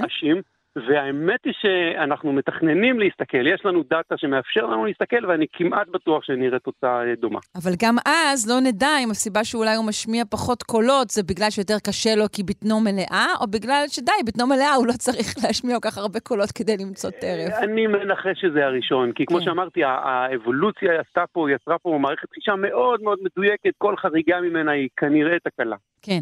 בוא תתאר לי בעצם איך ביצעתם את, ה, את המחקר הזה. יש לכם את, את מנהרת העטלפים שלכם, מעבדת כן, העטלפים? יש לנו, כן, יש לנו חדר אקוסטי. אגב, אני, אני אגיד שעד כמה שאני מכיר, לא מצאנו אף ממצא בספרות שתיאר פגיעה בחישה בהיריון. בסדר, סליחה, זו לא השאלה ששאלת, mm-hmm. אבל uh, כל, הנוס, כל הממצאים של פרגננט בריין, תמיד מדברים על זיכרון, על קוגניציה, כמובן שיש שינויים בתעופה בעטלפים ובבעלי חיים אחרים, אף אחד לא תיאר עד כמה שאני יודע שינויים בחישה, okay. אוקיי. ושינויים בחישה יכולים להוביל לכל מיני שינויים אה, קוגניטיביים אחרים. אבל חזרה לשאלה שלך, יש לנו חדר אקוסטי גדול, אה, בערך חמישה מטרים על חמישה מטרים, שמאפשר לנו להקליט את האקולוקציה ואת המיקום של העטלף אה, בדיוק מאוד גבוה. אנחנו לא רוצים לפגוע, נקבות בהיריון הן הנקבות הכי חשובות בטבע, נכון? כן. הן נושאות את הצאצאים, את הדור הבא. אגב, ההיריון הארוך יחסית לעטלפים, והוא כמה חודשים, יחסית לגודלם מאוד ארוך, ובדרך כלל יש צאצא אחד, לעיתים שניים, אוקיי? זאת אומרת, קצב הרבייה הוא נמוך, משהו שאנחנו מאוד לא רוצים אה, ל- ל- לפגוע בו, אה, ולכן אנחנו מביאים את הנקבות אה, למעבדה בשלב של הריון אה, בינוני ככה, מאמנים אותם לבצע משימה במעבדה, אגב, לא ציינתי, אבל מור טאובי, החוקרת הנהדרת שעשה את כל העבודה, mm-hmm. לא אני, אה, היא מאמנת את העטלפים לנחות, זה ממש פרקטיקה אה, אה, ייחודית לאמן, לאלף עטלפים. אה, ואז אנחנו יכולים להקליט את הסונאר שלהם באותה משימה בדיוק שהם נוחתים על מטרה, כאשר הן אה, בהיריון, לעומת כאשר הן לא בהיריון. ועל פי רוב אותם. במעבדה אתם לא רואים אה, שינוי התנהגותי של ה- של העטלפים מ- מההתנהגות שלהם בטבע, או שזה נכלל בשקלול שלכם, אני מניחה. לא, אז מה שאנחנו מוצאים זה שינוי בסונאר, כמו שתיארתי, וגם שינויים בתעופה, שהם כמובן לא הפתיעו אותנו. לא, אני רוצים אומרת שזה לא קשור לזה שזה תנאים מל- מלאכותיים, תנאי מעבדה. פספסתי, כן. אה, תראי, זו שאלה טובה, תמיד אה. כשעושים מחקר במעבדה צריך לחשוב מה עשויות להיות או עלולות להיות ההשלכות. אה, מדובר במשימה מאוד מאוד פשוטה, להסתובב ולנחות, והמדידה שאנחנו מודדים היא מדידה מאוד מאוד פשוטה, כן? מדידת החישה בסיסית. ככה שקשה להאמין שהמעבדה עושה אפקט, וחוץ מזה אנחנו משווים נקבות הריוניות ולא הריוניות באותם כן. תנאים במעבדה. אוקיי. אגב, באיזה מין של עטלף אנחנו מדברים? אה, נכון, מדובר בטלפון לבן שוליים, שהוא אחד. הטלפים הנפוצים בישראל, אוכל יתושים, כמו שאמרתי, קטנטן, אפשר למצוא אותו בכל עיר, ליד, כל ה... ליד הבתים של כולכם. זה זה העטלף שאנחנו רואים כזה בגובה הנמוך, בין הדקלים, זה ה- נכון, הטלף לא? הטלף פירות רק, לא לבלבל, טלף פירות, אלא שהוא גדול אוקיי. הרבה יותר, אבל. נכון, בדיוק. אוקיי. אמ, טוב, שאלת השאלות הגיעה. למה? כן. למה שהטבע יגרום, אה, שוב, לא, לא ניסוח מדעי במיוחד, כן. אה, אה, למה שבעצם הטלפה בהיריון, הזמן בו היא אמורה לספק מזון לא רק לעצמה, אלא גם אה, לעובר או לשניים אה, שברחמה, כמו שאמרנו, למה דווקא אז שהיכולות הללו אה, הופכות להיות מופחתות? אז אני חושב שמדובר באין ברירה, זה כמו שאת יודעת, אני אתן לאישה בהיריון לרוץ מרתון, ואני אשאל למה היא רצה יותר מהר, למה דווקא עכשיו כשהיא צריכה לברוח מטורפים, אה, הטבע יצר מצב. אז זה פשוט מצב של אה, אין ברירה. השאלה היא, אני חושב, אה, תרשי לי לשנות את השאלה, בטח. איך היא מתמודדת עם זה, אוקיי? אין לה ברירה אלא להוריד את קצב השידור, איך היא מתמודדת עם זה, ויש עדויות, לא שלנו, של אחרים, שנקבות בהיריון משנות את הרכב המזון שלהם. למשל, אם אתה משדר פחות תכוף, אתה יכול לעבור לחפש מזון גדול יותר, או מזון שנע לאט יותר, ויכול להיות שזה מה שהנקבות האלה עושות. אה, צריך לשים אה, לב ש- שזה זה לא אנחנו כמובן אומרים, זה, זה ידוע, אבל הנה עוד אינדיקציה לכך שבאמת ההיריון היא תקופה סופר קשה, סופר רגישה, סופר מעמיסה על הנקבות בטבע, ואם אנחנו חושבים על שימור של בעלי חיים, צריך לחשוב על הנקודה הזו.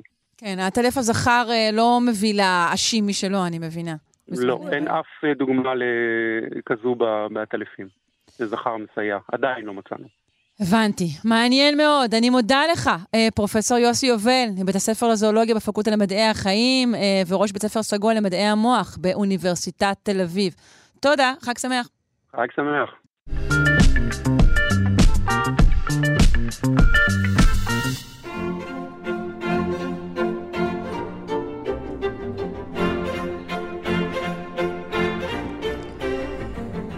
וכרגיל, חותם שעתיים של שלושה שיודעים, יונתן הירשפלד, צייר וכותב על אומנות. שלום, בוקר טוב. בוקר טוב, שרון. אנחנו ממשיכים אה, אה, להסתכל על דברים מגבם. לגמרי. מה הבאת לנו היום? היום הבאתי ציור של לארי אברמסון, צייר ישראלי מאוד מאוד חשוב, שמסדרה של אה, עבודות משנות ה-80, עבודות ציורים ענקיים שכולם נקראים נבו, ובהם מתואר אה, אה, די בצורה מונוכרומטית, הבדים הם גדולים, הם אה, כחולים ולבנים, לפעמים סגלגלים. מתואר דמות, דמות מגבה, עם גבה אלינו, מעין דמות מיקלאנג'לואית כזאת, עם מין שרירים אה, ככה. כן.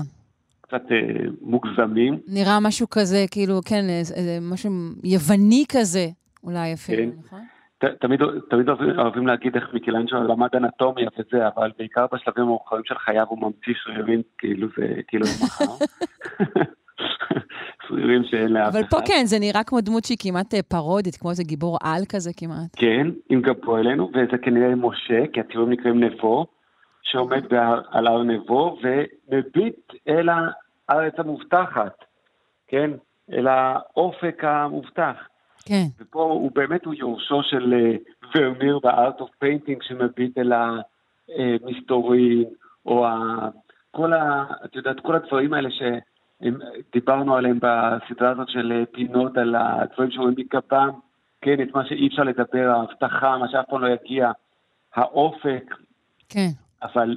אבל איך אתה קורא את נבו של לארי אברמסון, שהוא כמובן, אה, הוא, צייר, הוא אומן פוליטי, אה, באמת אה, דעתו מושמעת תמיד, הוא עסק גם בכיבוש הישראלי. איך אתה קורא את נבו בהקשר הזה? אני מסתכל קודם כל, ואני רואה שמשהו חסר בציור, אין פה את ישראל. משה מסתכל, אבל הוא לא רואה אותה, הארץ המובטחת מוציאה רק מה של כתמי צבע. Mm. אולי הארץ המובטחת הפופולרי הוא הציור המופשט. אני רוצה לספר לקהל שיש אה, סיפור מאוד מאוד מפורסם באמנות הישראלית, שבשנות ה-70 זריצקי צייר את צובה, כן. ועמד על ההר בצובה וצייר את צובה, ועשה ציורים מופשטים ירוקים כאלה. ובשנות ה-90 לארי אברמסון חוזר לשם ומצייר מאותו מקום בדיוק את צובה, ועכשיו הוא רואה את הכפרים הערביים. זאת אומרת, כן, וזה כמובן פתח לדיון למה מה, מה האומנות בכלל, מה היא מראה ומה היא לא מראה, והציור הישראלי, כן, מה כן. הוא רואה ולא מראה. לגמרי, כי צד המופשט הוא בעצם ההסתרה של איזושהי מציאות. אז הנה ללארי יש משבר אמון מול המופשט. הוא רוצה להיות צייר מופשט כמו כל המודרנים, אבל הוא לא מאמין בו. המופשט הוא הארץ המובטחת שהוא לא יגיע אליו לעולם. הוא כלוא בנבו. אז גם פה משה הוא מעין אה, הצייר של ורמיר ולארי עצמו, שמביט אל הארץ המובטחת. וגם פה אני רוצה להעלות לאסוציאציה של הקוראים את ה... וגם זה כבר עלה בפינות הקודמות mm-hmm. של אגב, את הסיפור של אה, אה, יוסף קוף במשפט, שמחכה לה, כן, הוא מחכה להיכנס אל שערי המשפט, ואז כשהוא גוסס למות, סוגרים את הדלת, והוא אומר, למה אתם סוגרים? אז אומרים לו, זה היה פתוח רק בשבילך, עכשיו אתה עומד למות. יש, יש איזה אופק שאליו אתה לעולם לא תיכנס, אבל הוא רק עבורך. הארץ המובטחת שאליה אתה לא תיכנס, אבל אתה עשית את המסע אל הארץ המובטחת. זאת אומרת שכאן אנחנו רואים את משה, את, שוב, את משה רבנו באמת כדמות שאולי מתייחסת באמת למסורת של הציור, לפי גודל הגוף שלו. אה, אה, ואנחנו אומרים שהארץ המובטחת, אה, אנחנו לא רואים אותה בכלל. היא נשארת תמיד כאיזושהי הבטחה אמורפית. כן, אבל, שימי, אבל גם יש כאן עוד איזה עניין של ראייה, ואני חושב שגם זה נורא חכם. כי אם אני מקבל את ההצעה הזאת, שהארץ המובטחת היא הציור המופשט, הרי מהו ציור? ציור הוא דבר שאתה תמיד רק רואה אותו כמו שמשה רואה ואף פעם לא נכנס אליו. אתה רואה את הפרוחים של סזן אבל לא אוכל אותם, הוא רואה נוף של ארסדל אבל לא מטייל בו. זה, זה כאילו הציור, תמיד אתה עומד עם גבך לעולם כשפניך לציור ואתה לעולם אינו נכנס לשעריו. מעניין. זאת אומרת, אתה, אתה רואה את הציור הזה יותר כ- כאמירה על הציור עצמו, והציור, אה, לא רק הציור המופשט, הציור בכלל, ופחות כ- כמשהו פוליטי על ישראל. כן, לא, תראי, בוודאי שיש כאן רמיזות פוליטיות. ישראל התקיימה כהבטחה אה, לאורך כל ה... כן, גם אולי אפשר לציין שאברמסון לא נולד בארץ? אולי זה גם כן... כן, נולד דרום אפריקה לדעתי. אה, כן. אה, לדעתי יליד שנות החמישים נולד כן, כן. אה, אה, בדרום אפריקה, ואני חושב שאפשר לחשוב על זה ככה. אני זוכר נגיד בתמול שלשום של עגנון, שהגיבור יוסף קומר נמצא על האונייה ואומר, עכשיו נשמתי אוויר של חוץ לארץ, אני נושם אווירה של ארץ ישראל. הוא יורד מהאונייה ואומר, דרכתי על אדמה של חוץ לארץ, והכל נמצא בדמיוני שלו, ישראל המדומיינת, ישראל שהיא הבטחה. אבל בשנייה שהוא יורד מהאונייה, בא מישהו וגונב לו את המזוודות ולוקח לו את הזה, והוא מוצא את המציאות של ארץ ישראל, שהיא לא הדמיוני ההבטחה הזאת. זאת אומרת, מה היה קורה למשה אם הוא היה נכנס לארץ ישראל, אם כבר לא הייתה הבטחה, אם ירושלים לא הייתה בשנה הבאה, כן? מה היה קורה אז, אם זה הופך מהבטחה, זה מאבד בעצם, זה, אה, יש דברים שסוד הקסם שלהם הוא בהיותם אה, אופק אוטופי, אה, אידאה, ושכשמממשים אותם, כמו שאתה פוגש סלבריטאי שאהבת כל חייך, ו... אה, אתה... נכון, אבל... מציאותיותו. נכון, אבל מאידך, יונתן, אם נבטל את אפשרות המימוש, אז גם אין את האידאה. כלומר, אנחנו חייבים להתעקש על אפשרות המימוש כדי שהאידאה תמשיך להתקיים. אי אפשר לוותר על זה. המודל הוא תמיד הכובע של השמן והרזה, שהוא מתכופף להרים אותו וקצת בועט בו קדימה. זה המודל.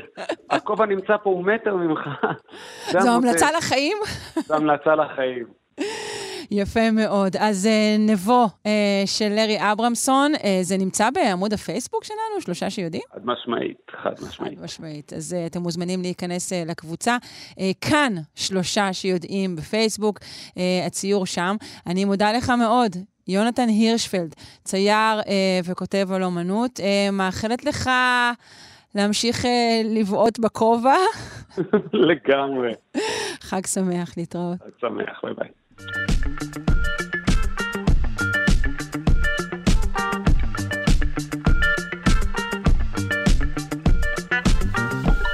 כאן אה, שעתיים של יום ראשון בשלושה שיודעים.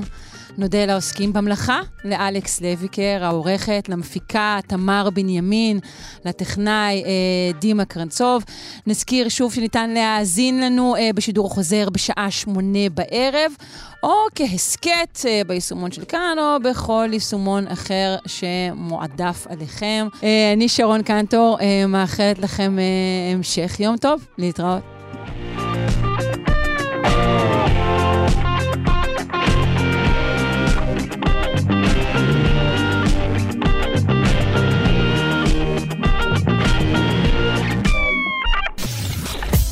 אתן מאזינות ואתם מאזינים לכאן הסכתים. כאן הסכתים, הפודקאסטים של תאגיד השידור הישראלי.